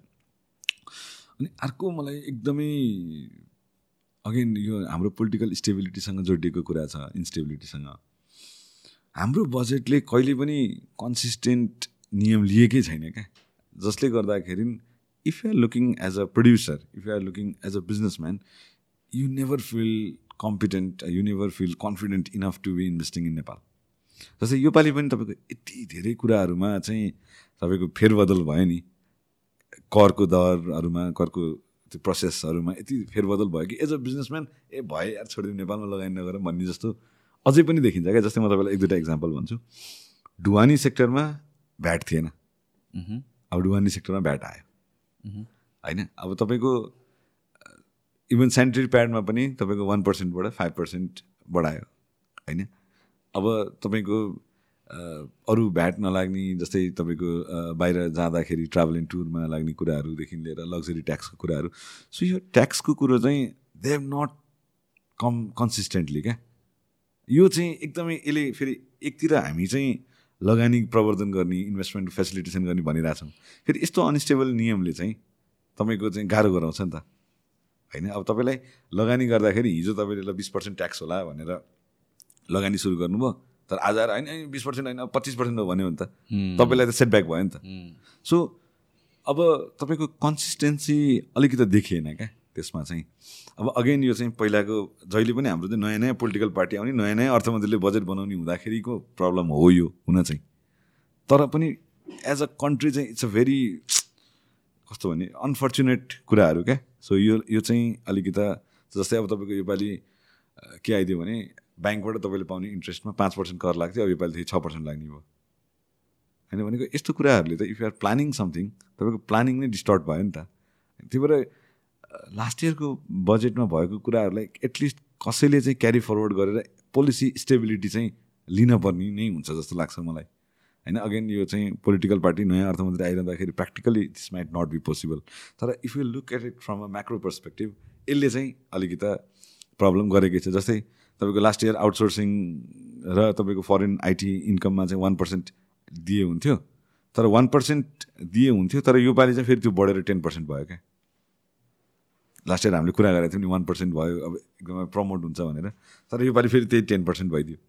अब यसले गर्दाखेरि त तपाईँ if you're an outsourcing company तपाईँले एक पर्सेन्ट हुन्छ भनेर पो यहाँ लिगली रजिस्टर गरेर यहाँ चाहिँ सबै गर्नुभयो। तर फेरि अब योपालि टेन पर्सेन्ट अर्को वर्ष के होला ट्वेन्टी पर्सेन्ट होला? भन्ने तपाईँलाई भयो भने you'll not be investing here नि त। राइट होइन? सो पोलिसी लेभलको कन्सिस्टेन्सीले चाहिँ ठुलो म्याटर गर्दो रहेछ क्या। जस्तै त्यही वान पर्सेन्ट ट्याक्समा पनि धेरै आइटी बेस्ड धेरै अथवा धेरै आउटसोर्सिङ कम्पनीहरू रजिस्टर भएनन् क्या। द्याट अब त्यसमा चाहिँ मेरो पनि ठुलो सदाशयता थियो। मतलब I also work on that legislation. तर त्यसको इफेक्टिभनेस देखिएन क्या। अनि मैले धेरैजना साथीहरूलाई सोधेँ किन भन्दाखेरि होइन यो एक पर्सेन्ट भनेको चाहिँ यो एक वर्षलाई मात्रै यो ट्र्याप थाप्या। हो हो त्यस्तै देखियो नि त। त्यस्तै देखियो। सो यसले गर्दाखेरि त तपाईँको चाहिँ गभर्मेन्टको जुन स्टेबिलिटी कन्सिस्टेन्सी पोलिसी लेभलको स्टेबिलिटीहरू चाहिँ देखिएन। जस्तै जुन चाहिँ हामीले बाहिरमा चाहिँ देख्छौँ। बाहिर जस्तै इभन मैले जापान र जापान र इटलीको हेरेको थिएँ। त्यहाँ पोलिसी त्यहाँ गभर्मेन्टहरू एकदमै चेन्ज भइरहँदो रहेछ तर there are certain policies in business which will not change even if the government change होइन? उनीहरूले त्यो पोलिसी चाहिँ बरु त्यो संसदमै बाई पार्टिसन सपोर्टबाट लिँदो रहेछ तर पोलि गभर्मेन्ट चेन्ज हुँदा पनि पोलिसी चेन्ज नहुँदो रहेछ। होइन? यो चाहिँ हाम्रोमा अलिकति ल्यागिङ छ यो बजेटमा पनि अगेन त्यो प्रब्लम आइहाल्यो। अब यो बजेटमा अर्को तपाईँको एक दुईवटा कन्ट्राडिक्सनहरू देखियो। एक दुईवटा कन्ट्राडिक्सन जस्तै कस्तो भने तपाईँको सङ्घीयतालाई सही कार्यान्वयन गराउने भनेर बजेटले आफ्नो निर्देशक सिद्धान्तमा भन्यो गाइडिङ प्रिन्सिपल्समा तर सङ्घीयताको फुल कार्यान्वयन गर्दाखेरि तपाईँको चाहिँ जुन प्रदेश र स्थानीय सरकारलाई चाहिँ जुन इन टर्म्स अफ मोनिट्री चाहिँ उनीहरूलाई प्रमोट गर्नुपर्ने त्यो गरेको देखिएन फेरि। फेरि पनि धेरै जस्तो योजनाहरू चाहिँ सेन्ट्रलाइज माइन्डसेटबाट आयो क्या। सेन्ट्रलाइज रूपमै हामी चलाउँछौँ हामी चलाउँछौँ भने त्यही भएर तपाईँको नगरपालिका सङ्घ र प्रदेशहरूले त उनीहरूले स्टेटमेन्ट नै जारी गरेर this is not our budget भन्ने टाइपको पनि दिइसक्यो होइन? सो अब यदि हामी चाहिँ सङ्घीयता मलाई मलाई चाहिँ पर्टिकुलरली माओवादीकै नेतृत्वमा सरकार हुँदाखेरि र सङ्घीयता माओवादीकै एजेन्डा भइरहँदाखेरि यो अलिकति सरप्राइजिङ पनि लागेको थियो। I was hoping more of अलिकति स्थानीय सरकारलाई अलिकति बढी बनाएर सङ्घलाई चाहिँ मोर अफ तपाईँको कोअर्डिनेटर जस्तो मात्रै बनाएर धेरैभन्दा धेरै बजेट चाहिँ स्थानीय र तपाईँको चाहिँ प्रदेश सरकारमा जान्छ भन्ने थियो। त्यो भएन। अब अब त्यो भएन भन्दाखेरि लजिक के हुन्छ नि उनीहरू क्यापेसिटी नै छैन भन्छ। अब फेरि चिकन एग प्रब्लम हो क्या पहिला बजेट दिएर you build capacity or capacity हुन्छ। अब क्यापेसिटी भन्ने कुरा त कतैबाट लाइटनिङ भएर आउने त होइन नि त। चट्याङ परेर आउने ल क्यापेसिटी हिजो थिएन आज भयो भन्ने त होइन। सो यो पनि अलिकति समस्या देखिन्छ। So if consistently I want to make an statement here यदि कन्सिस्टेन्टली तपाईँको चाहिँ सङ्घीयताको विरोधी बजेटहरू आउने हो भने जुन यो सङ्घीयता भनेको चाहिँ व्हाइट एलिफेन्ट सेतो हात्ती जस्तो भइरहेछ नि त्यो हावा अझै बढ्दै जान्छ क्या।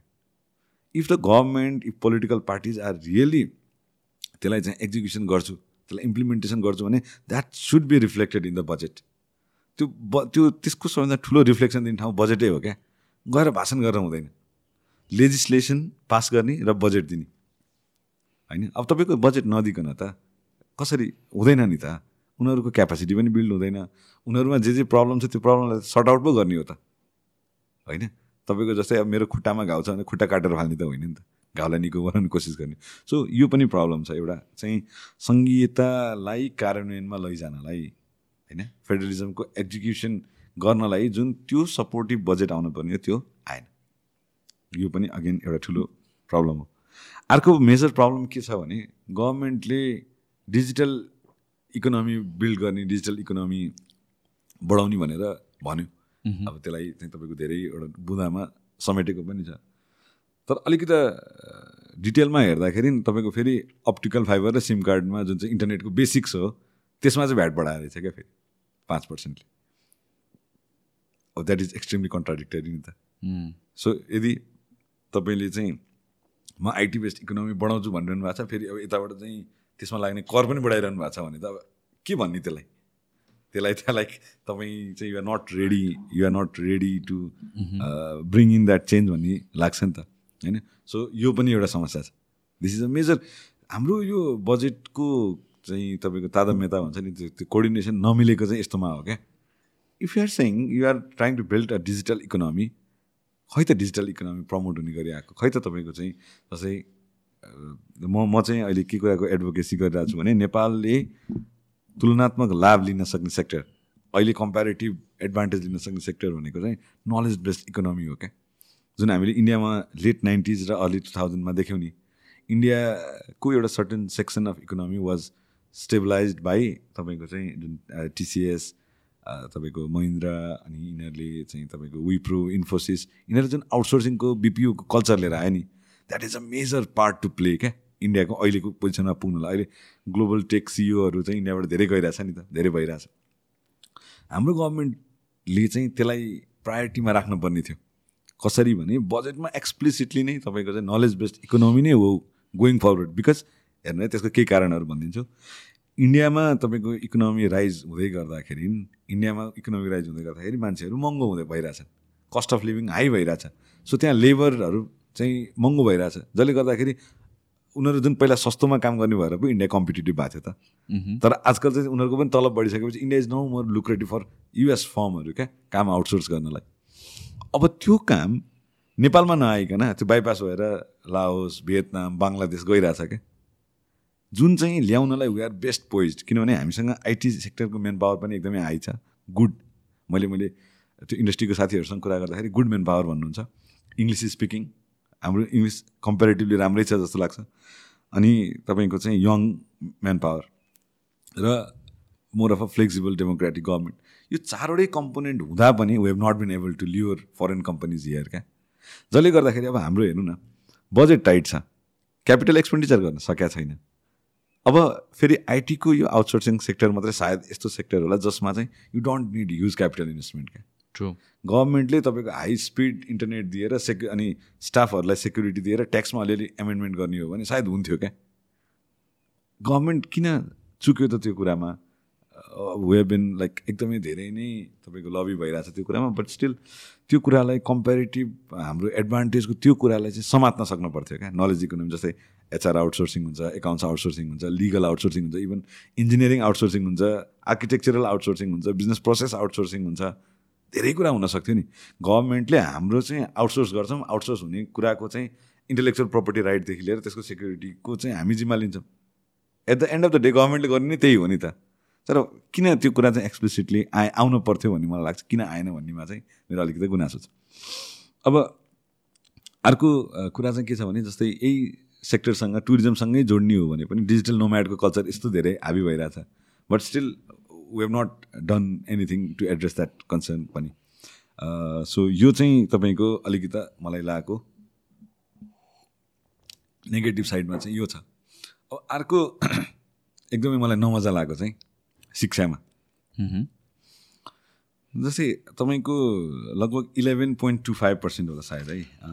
Eleven point two five percent चाहिँ हामी हाम्रो टोटल बजेटको चाहिँ हामी शिक्षामा खर्च गर्दो रहेछौँ।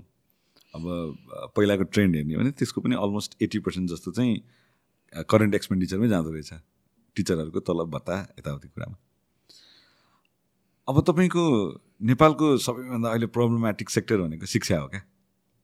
किनभने लास्ट इयर मात्रै लगभग चौसठी अरब रुपियाँ we send to foreign countries just शिक्षाको लागि। त्यो ट्रेन्ड कुनै पनि हिसाबमा कम होला जस्तो देखिँदैन। भनेको एक त क्यापेबल मेन पावर गइरहेछ। दोस्रो कुरा गभर्मेन्टको एकदमै प्रेसियस फरेन रिजर्भ गइरहेछ। तेस्रो कुरा जुन एजुकेसन सेक्टरमा भएको यहाँ यहाँ जुन लगानी भएको छ एजुकेसन सेक्टरमा त्यो एजुकेसन सेक्टरमा भएको लगानीहरू पनि धरापमा पऱ्यो नि त। सो तिनटै वेमा प्रब्लम भयो कि? गभर्मेन्टलाई पनि प्रब्लम भयो। बिकज त्यो स्किल त्यो मेन पावरलाई उसले चाहिँ होल्ड गर्न सकेन। प्राइभेट सेक्टरलाई प्रब्लम भयो because they have to fight सुरुमा उनीहरू आफू आफूमा चाहिँ प्रतिस्पर्धा गर्नु पर्थ्यो क्वालिटी इम्प्रुभमेन्ट गर्नु पर्थ्यो भने अब विद्यार्थी नै छैन क्या। नाउ यसको प्रब्लमको अर्को बिगर रिजन भनेको इट्स नट जस्ट अबाउट एजुकेसनको क्वालिटी मात्र होइन कि यहाँ फ्युचरमा जब मार्केटमा आएपछि जबको अपर्च्युनिटीले गरेर पनि like most people prefer going outside नि त। एज अ लाइक फोर फ्रन्टमा त एजुकेसन हो। तर एजुकेसन ल नेपालमै बसेर पढ्यो भने पनि यहाँ त अपर्च्युनिटिज छैन भन्ने हिसाबले म बाहिर जान्छु पढ्छु पनि त्यहीँ काम पनि त्यहीँ गर्छु भन्ने हिसाबले जान्छु नि त। तर त्यसको प्राइमरी चाहिँ अझै पनि लेबर भन्दा पनि एजुकेसन नै हो। सो जोडिएकै कुरा हो त्यो त्यो चाहिँ सेपरेबल गर्नु मिल्दैन। अब कतिजना चाहिँ लाइफस्टाइलको लागि पनि जान्छ। त्यो त्यो चाहिँ लाइफस्टाइल देखेर हुन्छ नि अलिकति त्यहीँबाट प्रेरित भएर पनि जान्छ। अब त्यही त मैले त्यही भनेको थिएँ गभर्मेन्टले तपाईँको चाहिँ यहाँको शिक्षालाई अहिलेको सबैभन्दा ठुलो चुनौती भनेको चाहिँ विद्यार्थी बाहिर जाने हो। चुनौती हो रोक्न मिल्दैन फेरि। Again you cannot stop students freedom छ नि त उनीहरूलाई नेसनल इन्टरनेसनल ट्राभल गर्ने। त्यो अघि कृषिमा भने जस्तै गभर्मेन्टले रोक्नलाई यहाँ विद्यार्थी रोक्नलाई के प्र के लिन्छ त योजना भन्ने कुरा त इम्पोर्टेन्ट हो नि त। जस्तै तपाईँको चाहिँ कस्तो कस्तो योजना लिन सक्थ्यो भने सर्टेन क्वालिटी भन्दा युनि तलको युनिभर्सिटीमा जान नपाउने। होइन? अथवा तपाईँको चाहिँ यहाँनिर तपाईँको जुन विद्यार्थीहरूले पढ्न खोजेको आइटीमा कोटा सिस्टम छ। अब does it make sense quota system अहिलेको टाइममा। अब आइटी कोटा जस्तै एउटा कलेजमा चालिसजना मात्रै छ। अब चालिसजना बाहेक अरू चार सयजना एप्लाई गर्ने हुन्छ। बाँकीको तिन साठीजना के गर्ने? आइटी नपढ्ने त। उनीहरूलाई पनि तपाईँको चाहिँ why why keep quota in the colleges गभर्मेन्टको अथवा प्राइभेटको कलेजहरूमा पनि। सो शिक्षामा चाहिँ तपाईँले हेर्नुहुन्छ मैले अलिकति स्टडी गरेको थिएँ। हाम्रो चाहिँ प्राइमरी सेक्टरमा पर स्टुडेन्ट अठार हजार जाँदो रहेछ होइन? सेकेन्ड्रीमा चाहिँ पर स्टुडेन्ट तेइस हजार जाँदो रहेछ। वेरेज तपाईँको सार्कको एभरेज नै छयालिस हजार रहेछ। Okay so that means we are not investing much into our future यो चाहिँ मलाई अलि अलिकति अलार्मिङ नै लाग्यो। योपालिको बजेटमा मैले अगेन भने योपालिको बजेट चाहिँ if we really wanted to do a paradigm shift in the economy or the social safety net or the social सेक्टरमा पनि हामीले तपाईँको चाहिँ यो बजेट मार्फत एटलिस्ट शिक्षा कृषि स्वास्थ्य यिनीहरूमा चाहिँ अलिकति बोल्ड कदमको सुरुवात गर्न सक्नु पर्थ्यो होइन अहिले चाहिँ इजी चेन्जेसहरू चाहिँ भयो तर बोल्ड चेन्जेसहरू भएन। I think the government might not have been well placed यो कुरा गर्नलाई पोलिटिकल जुन क्यापिटल चाहिन्थ्यो त्यो पोलिटिकल क्यापिटल नभएर पनि होला कोलिसन गभर्मेन्ट भएर पनि होला। But again that should not have been an excuse when it comes to किनभने यो त राष्ट्रको समस्या हो नि त।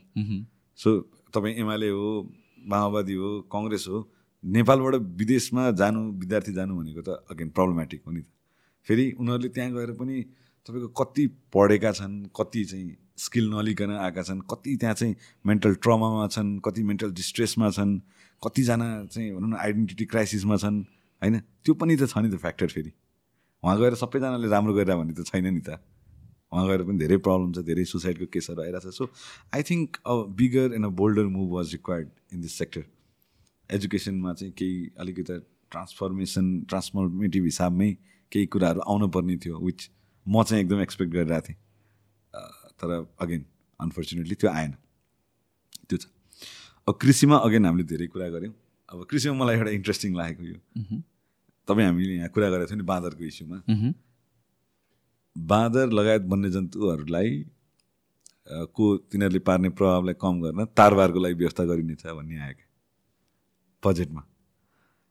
लाइक म त सक भएको क्या। त्यसले सल्भ गर्छ त त्यो इस्यु। त्यो गर्दै गर्दैन। त्यो त्यो धेरैचोटि तपाईँ हामी आएर पनि यहीँ पनि त्यति धेरै कुरा गरेर भनेको यति सिरियस इस्युलाई यति हल्का रूपमा लिइयो जस्तो लाग्यो क्या मलाई चाहिँ। कृषिमा त त्यो त one of the most pressing challenge हो नि अहिले। त्यसको के प्रोग्रेस भएको छ from the last time we discuss त्यसको यस्तो छ। त्यसको तपाईँको चाहिँ हामीले बाहिरको फरेन यसमा प्र्याक्टिस गरिरहेकोहरू थाइल्यान्ड मङ्गोलिया अनि ब्राजिलमा अनि इन्डियामा हामीले छलफल गऱ्यौँ। They are also looking for solution अब यसको चाहिँ एउटा सल्युसन आएको छ। अब त्यो नै अहिले यहाँ छलफल गर्दा अलिकति गाह्रो होला तर it has to do something with तपाईँको के अरे भ्यासेक्टोमी तर एक्जिस्टिङ भ्यासेक्टोमी चाहिँ एकदमै महँगो पर्ने भएको भएर we are trying to figure out a new way vasectomy तर द्याट माइट इन्गेज समथिङ जुन चाहिँ अलिकति अहिलेलाई हामीले पनि स्टडी गर्दैछौँ। अहिलेलाई भनिहाल्दा पनि अलिक हतारै हुन्छ। सो त्यो छ। कृषिमा तपाईँको चाहिँ त्यो कृषकलाई नै छुने गरी बजेट जुन आउनु पर्ने थियो अथवा सेकेन्ड्री कृषिलाई हुन्छ नि प्रमोट गर्ने हिसाबमा नेपालबाट किनभने we have a huge potential market in the Dubai and Middle East नेपालको एग्रिकल्चर प्रड्युसको लागि। तपाईँको इभन कर्णालीको सामानहरू उत्पादनहरूलाई हामीले ट्याप इन गरेकै छैनौँ। त्यहाँ भएका जडीबुटीहरूलाई हामीले ट्याप इन गरेकै छैनौँ। होइन त्यसको लागि चाहिँ तपाईँको केही कदमहरू आउनुपर्छ। जस्तै तपाईँको जडीबुटीको लागि चाहिँ खोल्ने कम्पनीलाई no tax for ten years भन्दै भए। होइन अथवा जडीबुटीको तपाईँको कोटा सिस्टमलाई ट्रान्सपरेन्ट गराइदिएको भए। होइन जडीबुटीको प्रोसेसिङ प्लान्टलाई एकदमै धेरै सब्सिडी दिएको भए। It might have been done in a multiple ways तर अलिकति उदासीन नै भयो त्यो विषयमा। होइन? जसले गर्दाखेरि कृषि क्षेत्र चाहिँ अब ट्रान्सफर्मेसन भयो है। यो गभर्मेन्टले चाहिँ ट्रान्सफर्मेटिभ पोलिसी लिएर आयो भन्ने कुरा चाहिँ देखिएन क्या यो पनि समस्या भयो कृषिमा होइन? अब हेल्थमा त तपाईँको एकदमै सामान्य साधारण त्यस्तो धेरै उत्साहित हुन पनि केही पनि त्यस्तो आएन।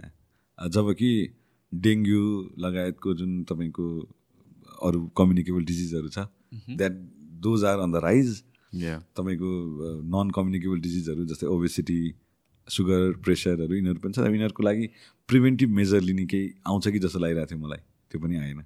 अनि तपाईँको अलार्मिङ कुरा के छ भने हामी हाम्रो चाहिँ अलमोस्ट एट्टी पर्सेन्ट जस्तो भ्याक्सिनेसन सायद I might be wrong on data चाहिँ they are still donor funded so डोनरले कुनै कारणवश हात झिक्यो भने हाम्रो चाहिँ इम्युनाइजेसनको भ्याक्सिनेसनहरू चाहिँ एकदमै रिस्की जोनमा पर्नेवाला छ। I was hoping more of त्यो ओरिएन्टेसनमा पनि केही आउँछ कि भन्ने त्यो पनि आएन। तर एक उसमा पशु भ्याक्सिनहरूमा चाहिँ आएको छ त्यो कुरा तर मान्छेको लागि चाहिँ आएको छैन। त्यो छ। अनि अर्को अलिकति मैले देखेको प्रब्लमेटिक कुरा कहाँनिर छ भने अब हामी जहिले पनि तपाईँको आयात प्रतिस्थापन निर्यात प्रवर्धन भन्छौँ क्या। एज अ नारा नै त्यही भइसक्यो भनेको इम्पोर्टलाई चाहिँ तपाईँको सब्सिट्युट मतलब इन्करेज गर्ने सरी इम्पोर्टलाई बन्द गर्ने एक्सपोर्टलाई प्रमोट गर्ने। तर योपालि तपाईँले हेर्नुभयो भने जुन सामान तपाईँले एक्सपोर्ट गर्दाखेरि गभर्मेन्टले तपाईँलाई क्यास इन्सेन्टिभ दिन्छ क्या? तपाईँले जस्तै मानिलिउँ यो कप चाहिँ एक्सपोर्ट गर्नुभयो भने सय रुपियाँ एक्सपोर्ट गर्नुभयो भने टेन पर्सेन्ट चाहिँ तपाईँलाई त्यही ठाउँमै दिन्छ। ओके सो त्यसको लागि हाम्रो गभर्मेन्टले चाहिँ जम्मा नब्बे करोड छुट्याएको रहेछ। अनि त्यो पनि तपाईँको तिन महिना पछि दिने अरे क्या। वेरेज तपाईँको मैले यो कार्पेट इन्डस्ट्रीमा अध्ययन गरेको थिएँ इन्डियामा चाहिँ उतिखेरै दिने र टेन पर्सेन्ट दिने। त्यो भइसकेपछि तपाईँले त्यो जुन गभर्मेन्टले सेभ गरेको जुन सरी व्यापारीले सेभ गरेको जुन पैसा छ त्यो त कस्टमरमा पास अन गर्न सक्नुहुन्छ नि त। जुन डिस्काउन्ट चाहिँ तपाईँलाई गभर्मेन्टले दियो त्यो डिस्काउन्ट त्यो क्यास फ्लो त त्यो क्यास फ्लोको एडभान्टेज त तपाईँले आफ्नो कस्टमरलाई एज अ डिस्काउन्ट पास गर्न सक्नुहुन्थ्यो। भनेको हाम्रोमा तपाईँको एक्सपोर्ट ओरिएन्टेसन पोलिसीमा चाहिँ आयो। तर गभर्मेन्टको बजेटले लिने कुराहरूमा चाहिँ जुन आउनु पर्ने थियो त्यो आएन। त्यो बाहेक तपाईँको चाहिँ अरू भनेको कुराहरू यस्तै नै छन्। अब तपाईँको अलिकति यो गभर्मेन्ट सेक्टरमा सिक इन्डस्ट्रीहरूलाई केही आउँथ्यो कि भन्ने लागिरहेको थियो मलाई। त्यो आएन। रुग्न उद्योग भन्छौँ नि हामी। तपाईँको चाहिँ गभर्मेन्ट ओन इन्डस्ट्री तर चाहिँ तपाईँको अलिकति सिक भएको चल्न नसकेको जुन आउँछ भन्ने थियो त्यो पनि आएन। त्यसमा पनि अलिकति डाउट नै छ। त्यो किन आएन? खास आउनु पर्थ्यो पहिला पनि आएको चाहिँ फेरि तपाईँको स्टडी गरिनेछ भन्ने मात्रै आउँथ्यो पहिला पनि। अब योपालि त झन् त्यसलाई सम्बोधन हुने कुरै आएन। अनि प्राइभेट सेक्टरमा डिसइन्भेस्टमेन्टको कुराहरू आछ।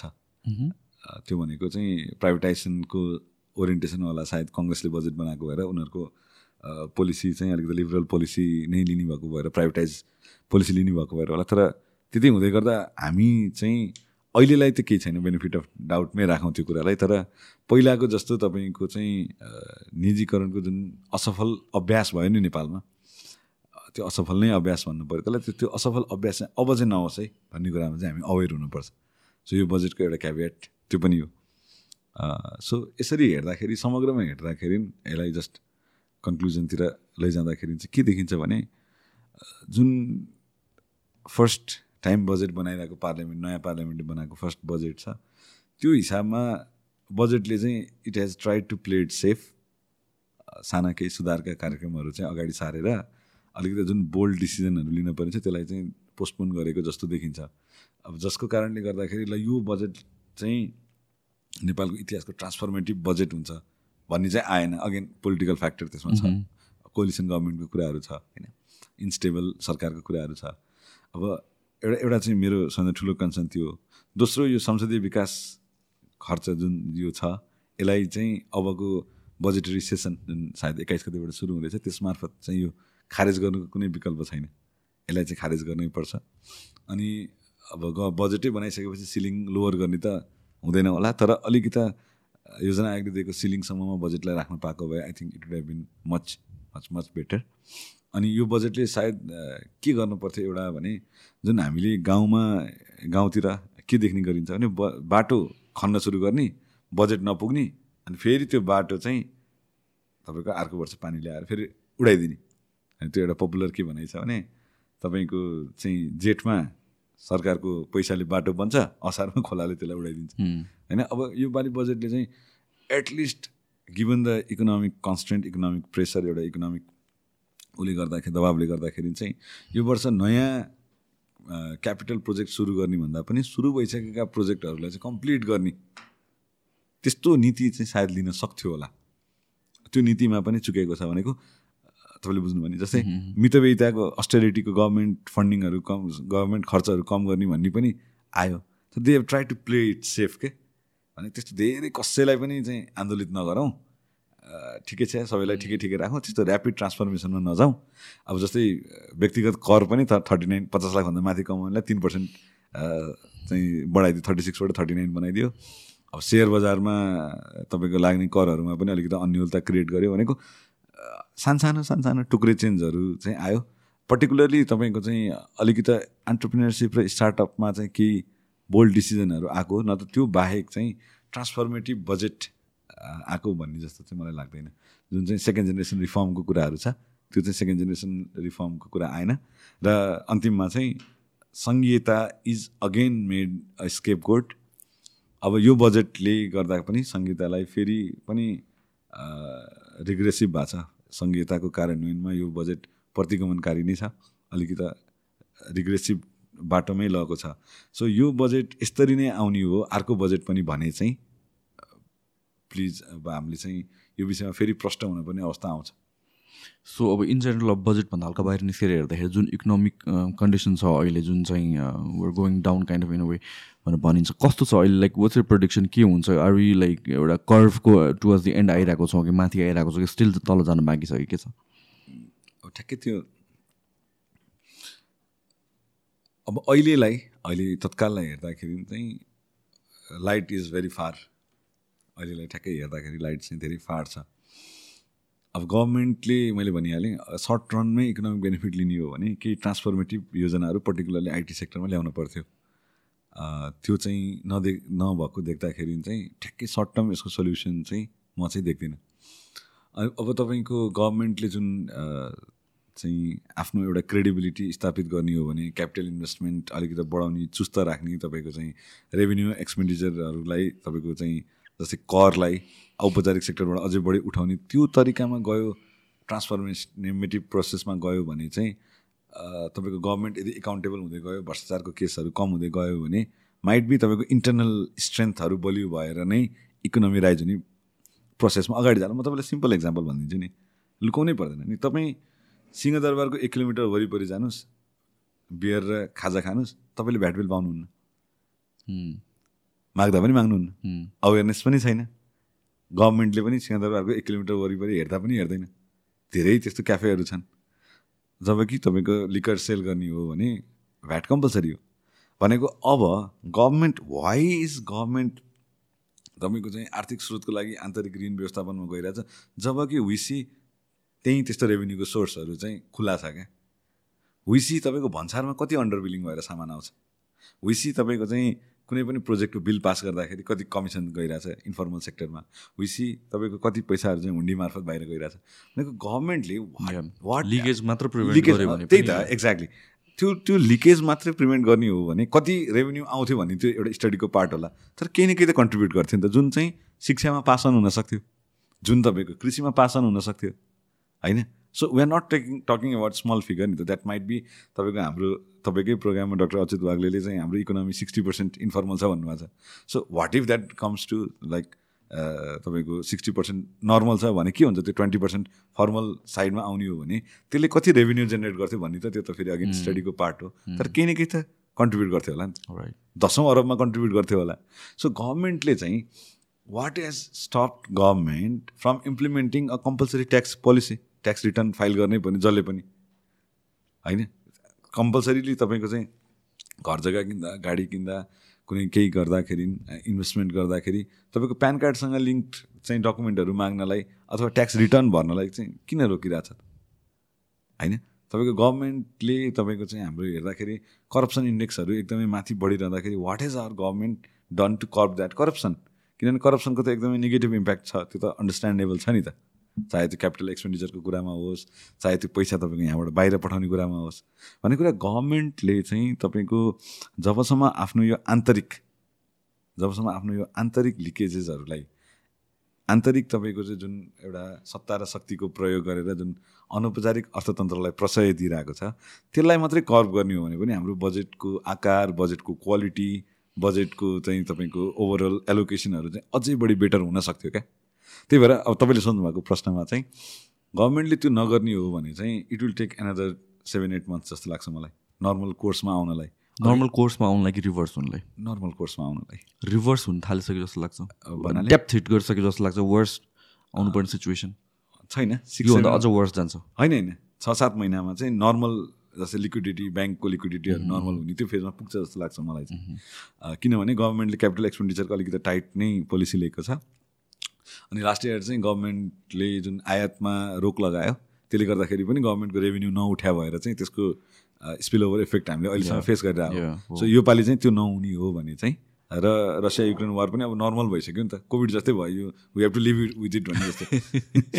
भनिसक्यो गरिरहेको छ अब त्यो गरिरहेको थियो त्यसपछि अब सप्लाई चेन पनि अब न्यू नर्मल भइसक्यो भनौँ न. सो त्यो भइसक्यो हुँदाखेरि सिक्स सेभेन मन्थमा चाहिँ at least when it comes to banking liquidity र स्पर इन डिमान्ड त्यसले गर्दाखेरि चाहिँ हुन्छ। Plus tourism is showing a really good sign त्यसले गर्दाखेरि पनि हाम्रो फरेन करेन्सीको सञ्चय सञ्चित पनि अलिकति बढ्ला। न हामीले टुरिज्मको बारेमा टच गर्यौँ टुरिज्मको बारेमा पनि लाइक सम काइन्ड अफ पोलिसिजहरू रिलिज भएको छ पोजिटिभ डिरेक्सनमा यस्तो छ। टुरिज्ममा चाहिँ बजेटले भन्दा पनि अहिलेको त्यसमा चाहिँ I have to give him credit Sujan किरातीले एकदमै अब भित्र के छ त थाहा छैन तर बाहिरी रूपमा चाहिँ हि हेज रियली स्पर्ड क्या? त्यो चाहिँ पर्यटन सेक्टर चाहिँ उसले उहाँले एकदमै राम्रोसँग नै ह्यान्डल गरिरहनु भएको छ जस्तै तपाईँको चाहिँ हामीले भनौँ न अब भैरवाबाट अलमोस्ट बाह्र हजारमा तपाईँ मलेसिया पुग्नुहुन्छ? Bhairahawa एयरपोर्टबाट। Okay. So that is a good thing नि त। अब तपाईँको चाहिँ पोखराको जुन तपाईँको रत्न मन्दिर थियो त्यो ओपन भयो पशुपतिको कुराहरू छ। अब इभन तपाईँको नेपाल वायु सेवा निगमकै कुराहरू छ।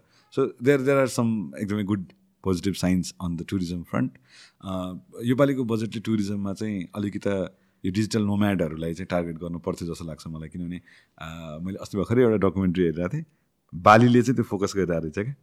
सो बालीमा चाहिँ you go you rent space तपाईँ त्यहीँ बसेर काम गर्नुहुन्छ अनि त्यहीँ बसेर त्यहीँको इकोसिस्टमहरू गर्नुहुन्छ त्यहीँको लोकल चिज खानुहुन्छ। भनेपछि अब हाम्रो त तपाईँको Pokhara Palpa even Rara so if you can like promote digital nomad and त्यो टाइपको टुरिज्महरू भन्यो भने चाहिँ सायद धेरै मान्छे आउँछ जस्तो लाग्छ। अगेन यो मेरो फ्यान्टासाइज गरे पनि हुनसक्छ तर I really think people will come जस्तै पोखरामा तपाईँको चाहिँ एउटा स्पेस रेन्ट गरेर अब तपाईँले वर्षको छ महिना त्यहाँ काम गर्न पाउनुहुन्छ भने I think if you can promote it that way त्यसले पनि हुन्छ जस्तो लाग्छ मलाई। अनि टुरिज्मको कुरामा चाहिँ अगेन गभर्मेन्टले ठ्याक्कै केही गर्ने भन्दा पनि यो चाहिँ गभर्मेन्टले प्राइभेट सेक्टरलाई फोकस गर्ने नै हो। गभर्मेन्टले गर्न सक्ने भनेको चाहिँ नयाँ नयाँ टुरिज्म डेस्टिनेसनहरू आइडेन्टिफाई गर्ने अब लाइक तपाईँको पर्यटन एडभेन्चर टुरिज्मसँग जोडिन्छ। नेपाल गभर्मेन्टले लाइक हाई अल्टिट्युड रनिङ अथवा हाई अल्टिट्युड स्पोर्ट्सको कुराहरू त्यो धेरै अगाडिदेखि गरिरहेछ तर त्यो एक्जिक्युसनमा गएको छैन। त्यही भएर त्यहाँको पनि प्रब्लम छ। सो टुरिज्ममा चाहिँ आई डोन्ट थिङ्क त्यस्तो धेरै यो मलाई थाहा भएको क्षेत्र पनि भएन। तर त्यति धेरै एकदमै आशावादी हुने त्यस्तो केही आएको छ जस्तो लाग्दैन। ओके आई थिङ्क हामीले प्रिटिम्स कभर गऱ्यौँ बजेटको बजेटको कभर गऱ्यौँ। सो के अरू हामीले डिस्कस गर्नुपर्ने केही छ इम्पोर्टेन्ट थिङ्स होइन त्यस्तो बजेटमै त तपाईँको केही त्यस्तो छैन। अब मेन कुरा भनेको चाहिँ गभर्मेन्टले बजेटलाई लिएर हामीलाई उत्साहित पार्नुपर्ने हो आम जनतालाई। त्यो पारेको छैन।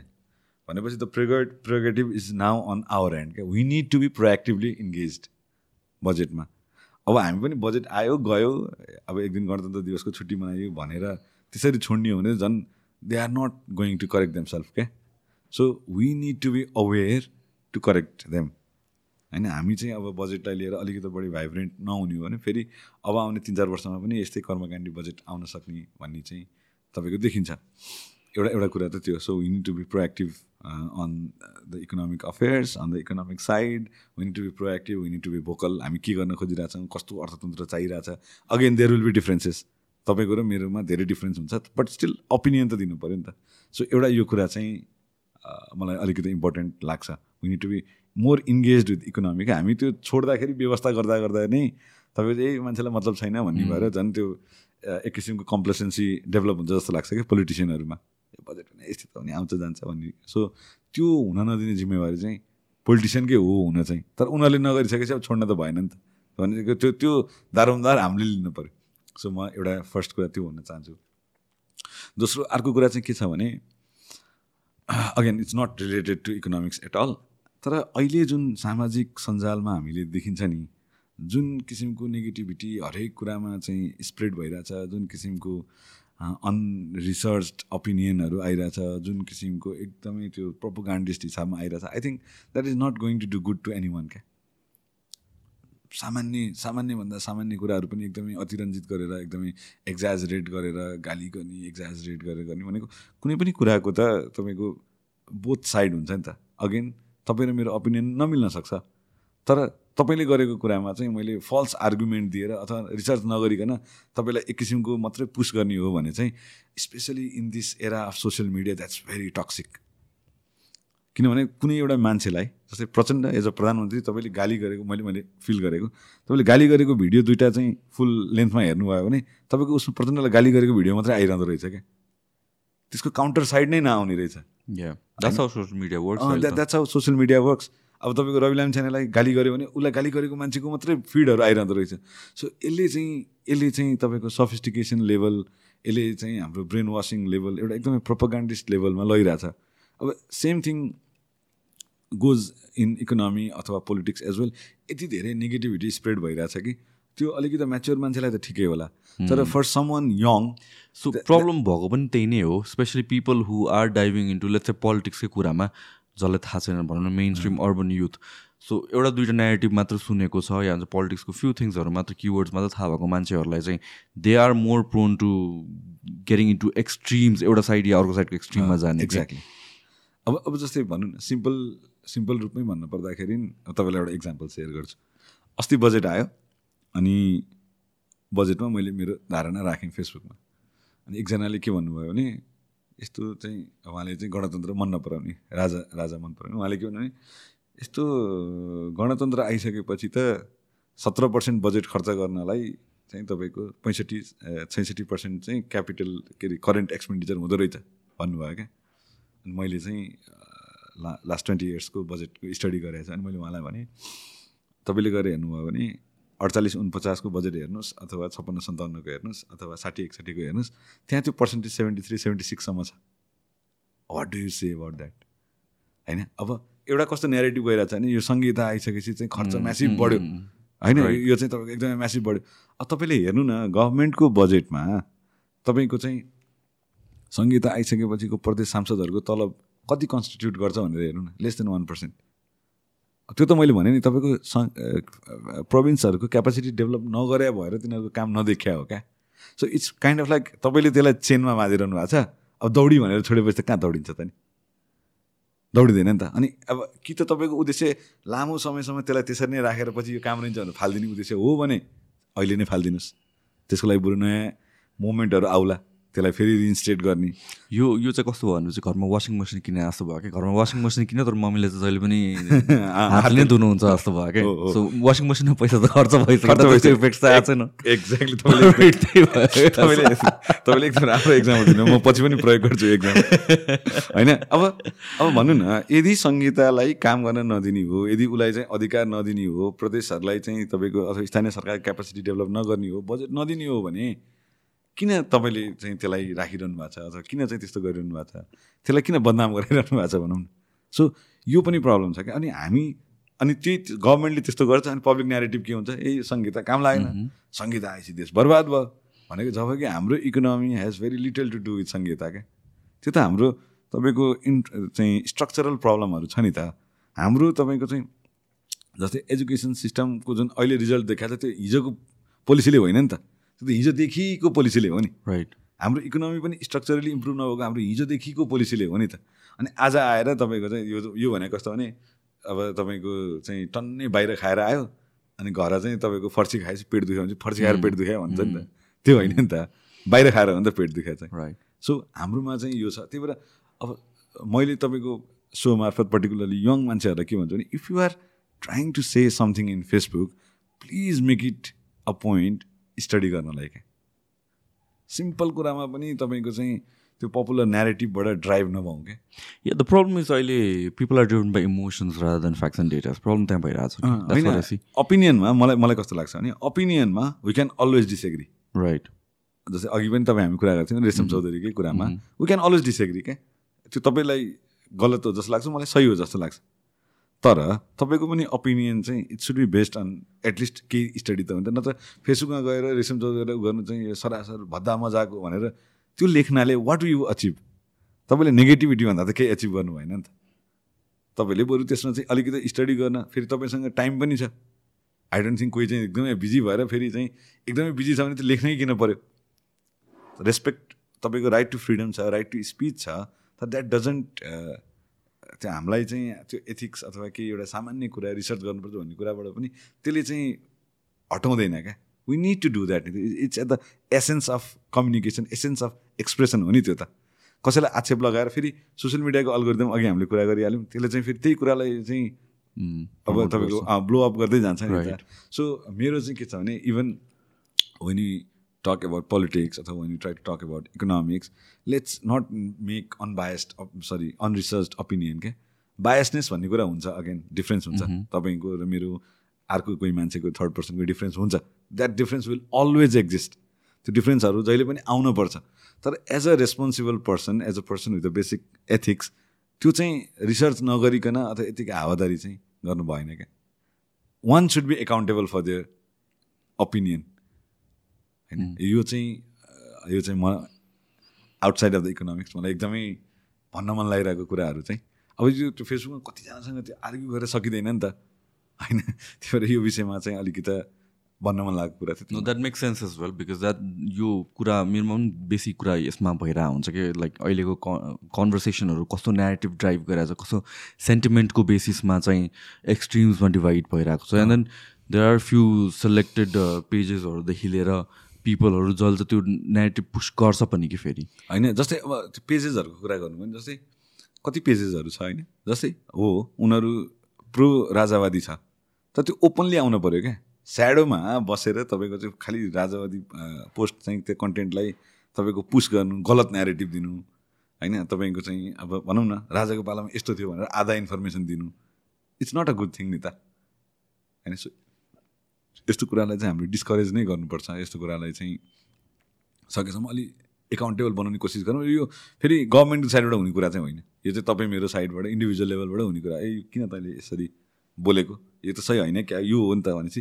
अनि फेरि अर्को कुरा के छ भने people are not receptive to criticism क्या? ट्रु अनि क्रिटिसिजम गऱ्यो भने ए तँलाई के थाहा छ र तँ चाहिँ को हो र? भन्ने टाइपको चाहिँ त्यो इगोइस्ट मेन्टालिटी चाहिँ ट्रिगर हुँदो रहेछ। सो म सबैजनालाई तपाईँको सो मार्फत के भन्न चाहन्छु भने त्यो कुराहरू राखौँ ओपिनियन फरक हुन्छ त्यसमा केही प्रब्लम छैन। तपाईँलाई राजा मनपर्छ तपाईँलाई हिन्दू राज्य मनपर्छ तपाईँलाई तपाईँको संहिता मन पर्दैन ओके फाइन होइन? वी क्यान अलवेज डिसएग्री त्यो मान्छे त कहिले नै पो एग्रिमेन्टमा हुन्छ र हुँदैन नि त। We can always disagree agree disagree तर आफ्नो ओपिनियनहरू राख्दाखेरि आफ्नो ओपिनियनप्रति एकाउन्टेबल चाहिँ भयौँ क्या। होइन? अब आफूलाई चाहिएको चिर कुरा मात्रै निकालेर त्यो देखाएर प्रचार गर्ने अब फल्स इन्फर्मेसन दिने त्यो नगरौँ। त्यो गर्दाखेरि के हुन्छ भने सबैभन्दा बढी त्यसको इम्प्याक्ट चाहिँ हाम्रो पेरेन्ट्सको जेनेरेसन र हाम्रो भाइ बहिनीको जेनेरेसनमा पर्दो रहेछ क्या। ए चाहिँ तपाईँको एउटाले फेसबुकमा नेपालमा केही छैन भनेर लेख्यो भने उसको साथी सर्कलमा नेपालमा केही छैन केही छैन भन्ने जाँदो रहेछ। अनि नेपालमा साँच्चै केही छैन भन्ने भएर अनि अस्ट्रेलिया एकदम भन्ने आउँदो रहेछ क्या। वेरेज अस्ट्रेलिया किन जाने भन्ने विषय उसलाई थाहा पनि हुँदैन। होइन सो यो कुराहरू पनि छ। सो यसलाई पनि हामीले अलिकति रेस्पोन्सिबल भएरै हेर्नुपर्छ जस्तो लाग्छ मलाई आउटसाइड अफ द इकोनोमी अब बाँकी जहाँसम्म कमिङ ब्याक टु इकोनोमी छ एउटा इकोनोमी साइकलमै चल्ने कुरा हो। त्यस्तो धेरै पेसिमिस्टिक हुनुपर्ने कुरा छैन। गभर्मेन्टले आफ्नो साइडबाट जति गर्नुपर्ने ट्रान्सफर्मेटिभ हुनुपर्ने हो त्यो नभएको कुरा चाहिँ हो। गभर्मेन्टले चाहिँ इकोनोमीलाई प्रायोरिटाइज गर्ने भन्ने तर चाहिँ फेरि अगेन डिसिजनहरू लिन डराउने अथवा अलमलमा राख्ने कुरा गरेकै हो। But still there are very impressive beginnings impressive signs that our economy is going global अलिकति राम्रो भइरहेको जस्तै हिजो अस्ति भर्खरै एआई कन्फरेन्स भएको थियो होइन। अब एआई कन्फरेन्सहरूमा पनि त्यहाँको त्यहाँ आउने मान्छेहरूले पनि नेपाल चाहिँ त्यहाँको स्पिकरहरू एकजना सुन्ने मौका पाएको थिएँ नेपालमा चाहिँ साँच्चै राम्रै गरिरहेछ भन्ने उहाँहरूले जुन दिनुभयो नि दोज आर इन्करेजिङ साइन्स अब नेपालीहरूले तपाईँको बाहिर पनि राम्रो बिजनेस गरिरहेकोहरू पनि उदाहरणहरू छ। केही नयाँ कुराहरूमा चाहिँ एक्सपोर्ट ट्राई गरेको उदाहरणहरू छ। विच इज गुड थिङ हस्पिटालिटीमा नयाँ नयाँ मान्छेहरू एकदमै यङ आइडियाका साथ आउनु भएको छ। पुरानै फ्यामिली बिजनेसलाई पनि अलिकति एफिसियन्ट तरिकाले रन गर्ने आउनु भएको छ। So those are all good signs अब यसलाई चाहिँ हामीले कसरी बुझ्नुपर्छ भने इकोनोमी त्यो वान सर्टमा ट्रान्सफर्म हुने चिज होइन। स्ट्रक्चरली धेरै काम गर्न बाँकी छ। अब यसमा नेगेटिभ भयो भने चाहिँ नेगेटिभ नेगेटिभ नेगेटिभ नै भइरहन्छ। अलिकति कसियस अप्टिमिस्ट हुनुपर्छ जस्तो लाग्छ मलाई यसमा चाहिँ। कसियस पनि हुने तर अप्टिमिस्टिक भइरह्यो भने मात्रै जान्छ जस्तो लाग्छ। Definitely so I think pretty much हामीले कभर गऱ्यौँ यो आजको बजेटको प्लस बोनस कुराहरू। Thank you so much for you time okay धन्यवाद। लाइक यो यो बजेट भनेको कुरा चाहिँ फेरि कस्तो हुँदो रहेछ? इकोनोमिक्स भनेको एकदम जार्गन बनाउँछौँ क्या हामी चाहिँ। एकदमै ठुलो कम्प्लेक्स कुरा गरेर चाहिँ यो इकोनोमिक्स भनेको चाहिँ सामान्य मान्छेको रिचबाट बाहिर हो कि जस्तो बनाउँछौँ। So the first thing is economics is not a jargon is not a complex process यो चाहिँ साइन्स पनि हो अलिकति अलिकति म्याथमेटिक्स पनि हो अलिकति आर्ट्स पनि हो क्या फेरि. It's more about your observation it's more about what you think पनि हो. त्यही भएर इकोनोमिक्सलाई बुझ्नलाई यसलाई क्लोजली आफूसँग योसँग बसिराख्नलाई हिचकिचाट नगरौँ। यसलाई चाहिँ तपाईँ हामी जसले पनि कन्ट्रिब्युट गर्न सक्ने ठाउँ चाहिँ यसलाई एकदमै सिम्पल वेमा बुझ्ने कोसिस गरौँ र गभर्मेन्टले के काम गरिरहेछ भन्ने विषयमा चाहिँ अलिक ओपन आइजले हेरौँ क्रिटिसाइज पनि गरौँ सपोर्ट पनि गरौँ हल्लाको भरमा नचरौँ हस् त थ्याङ्क यू सो मच धन्यवाद।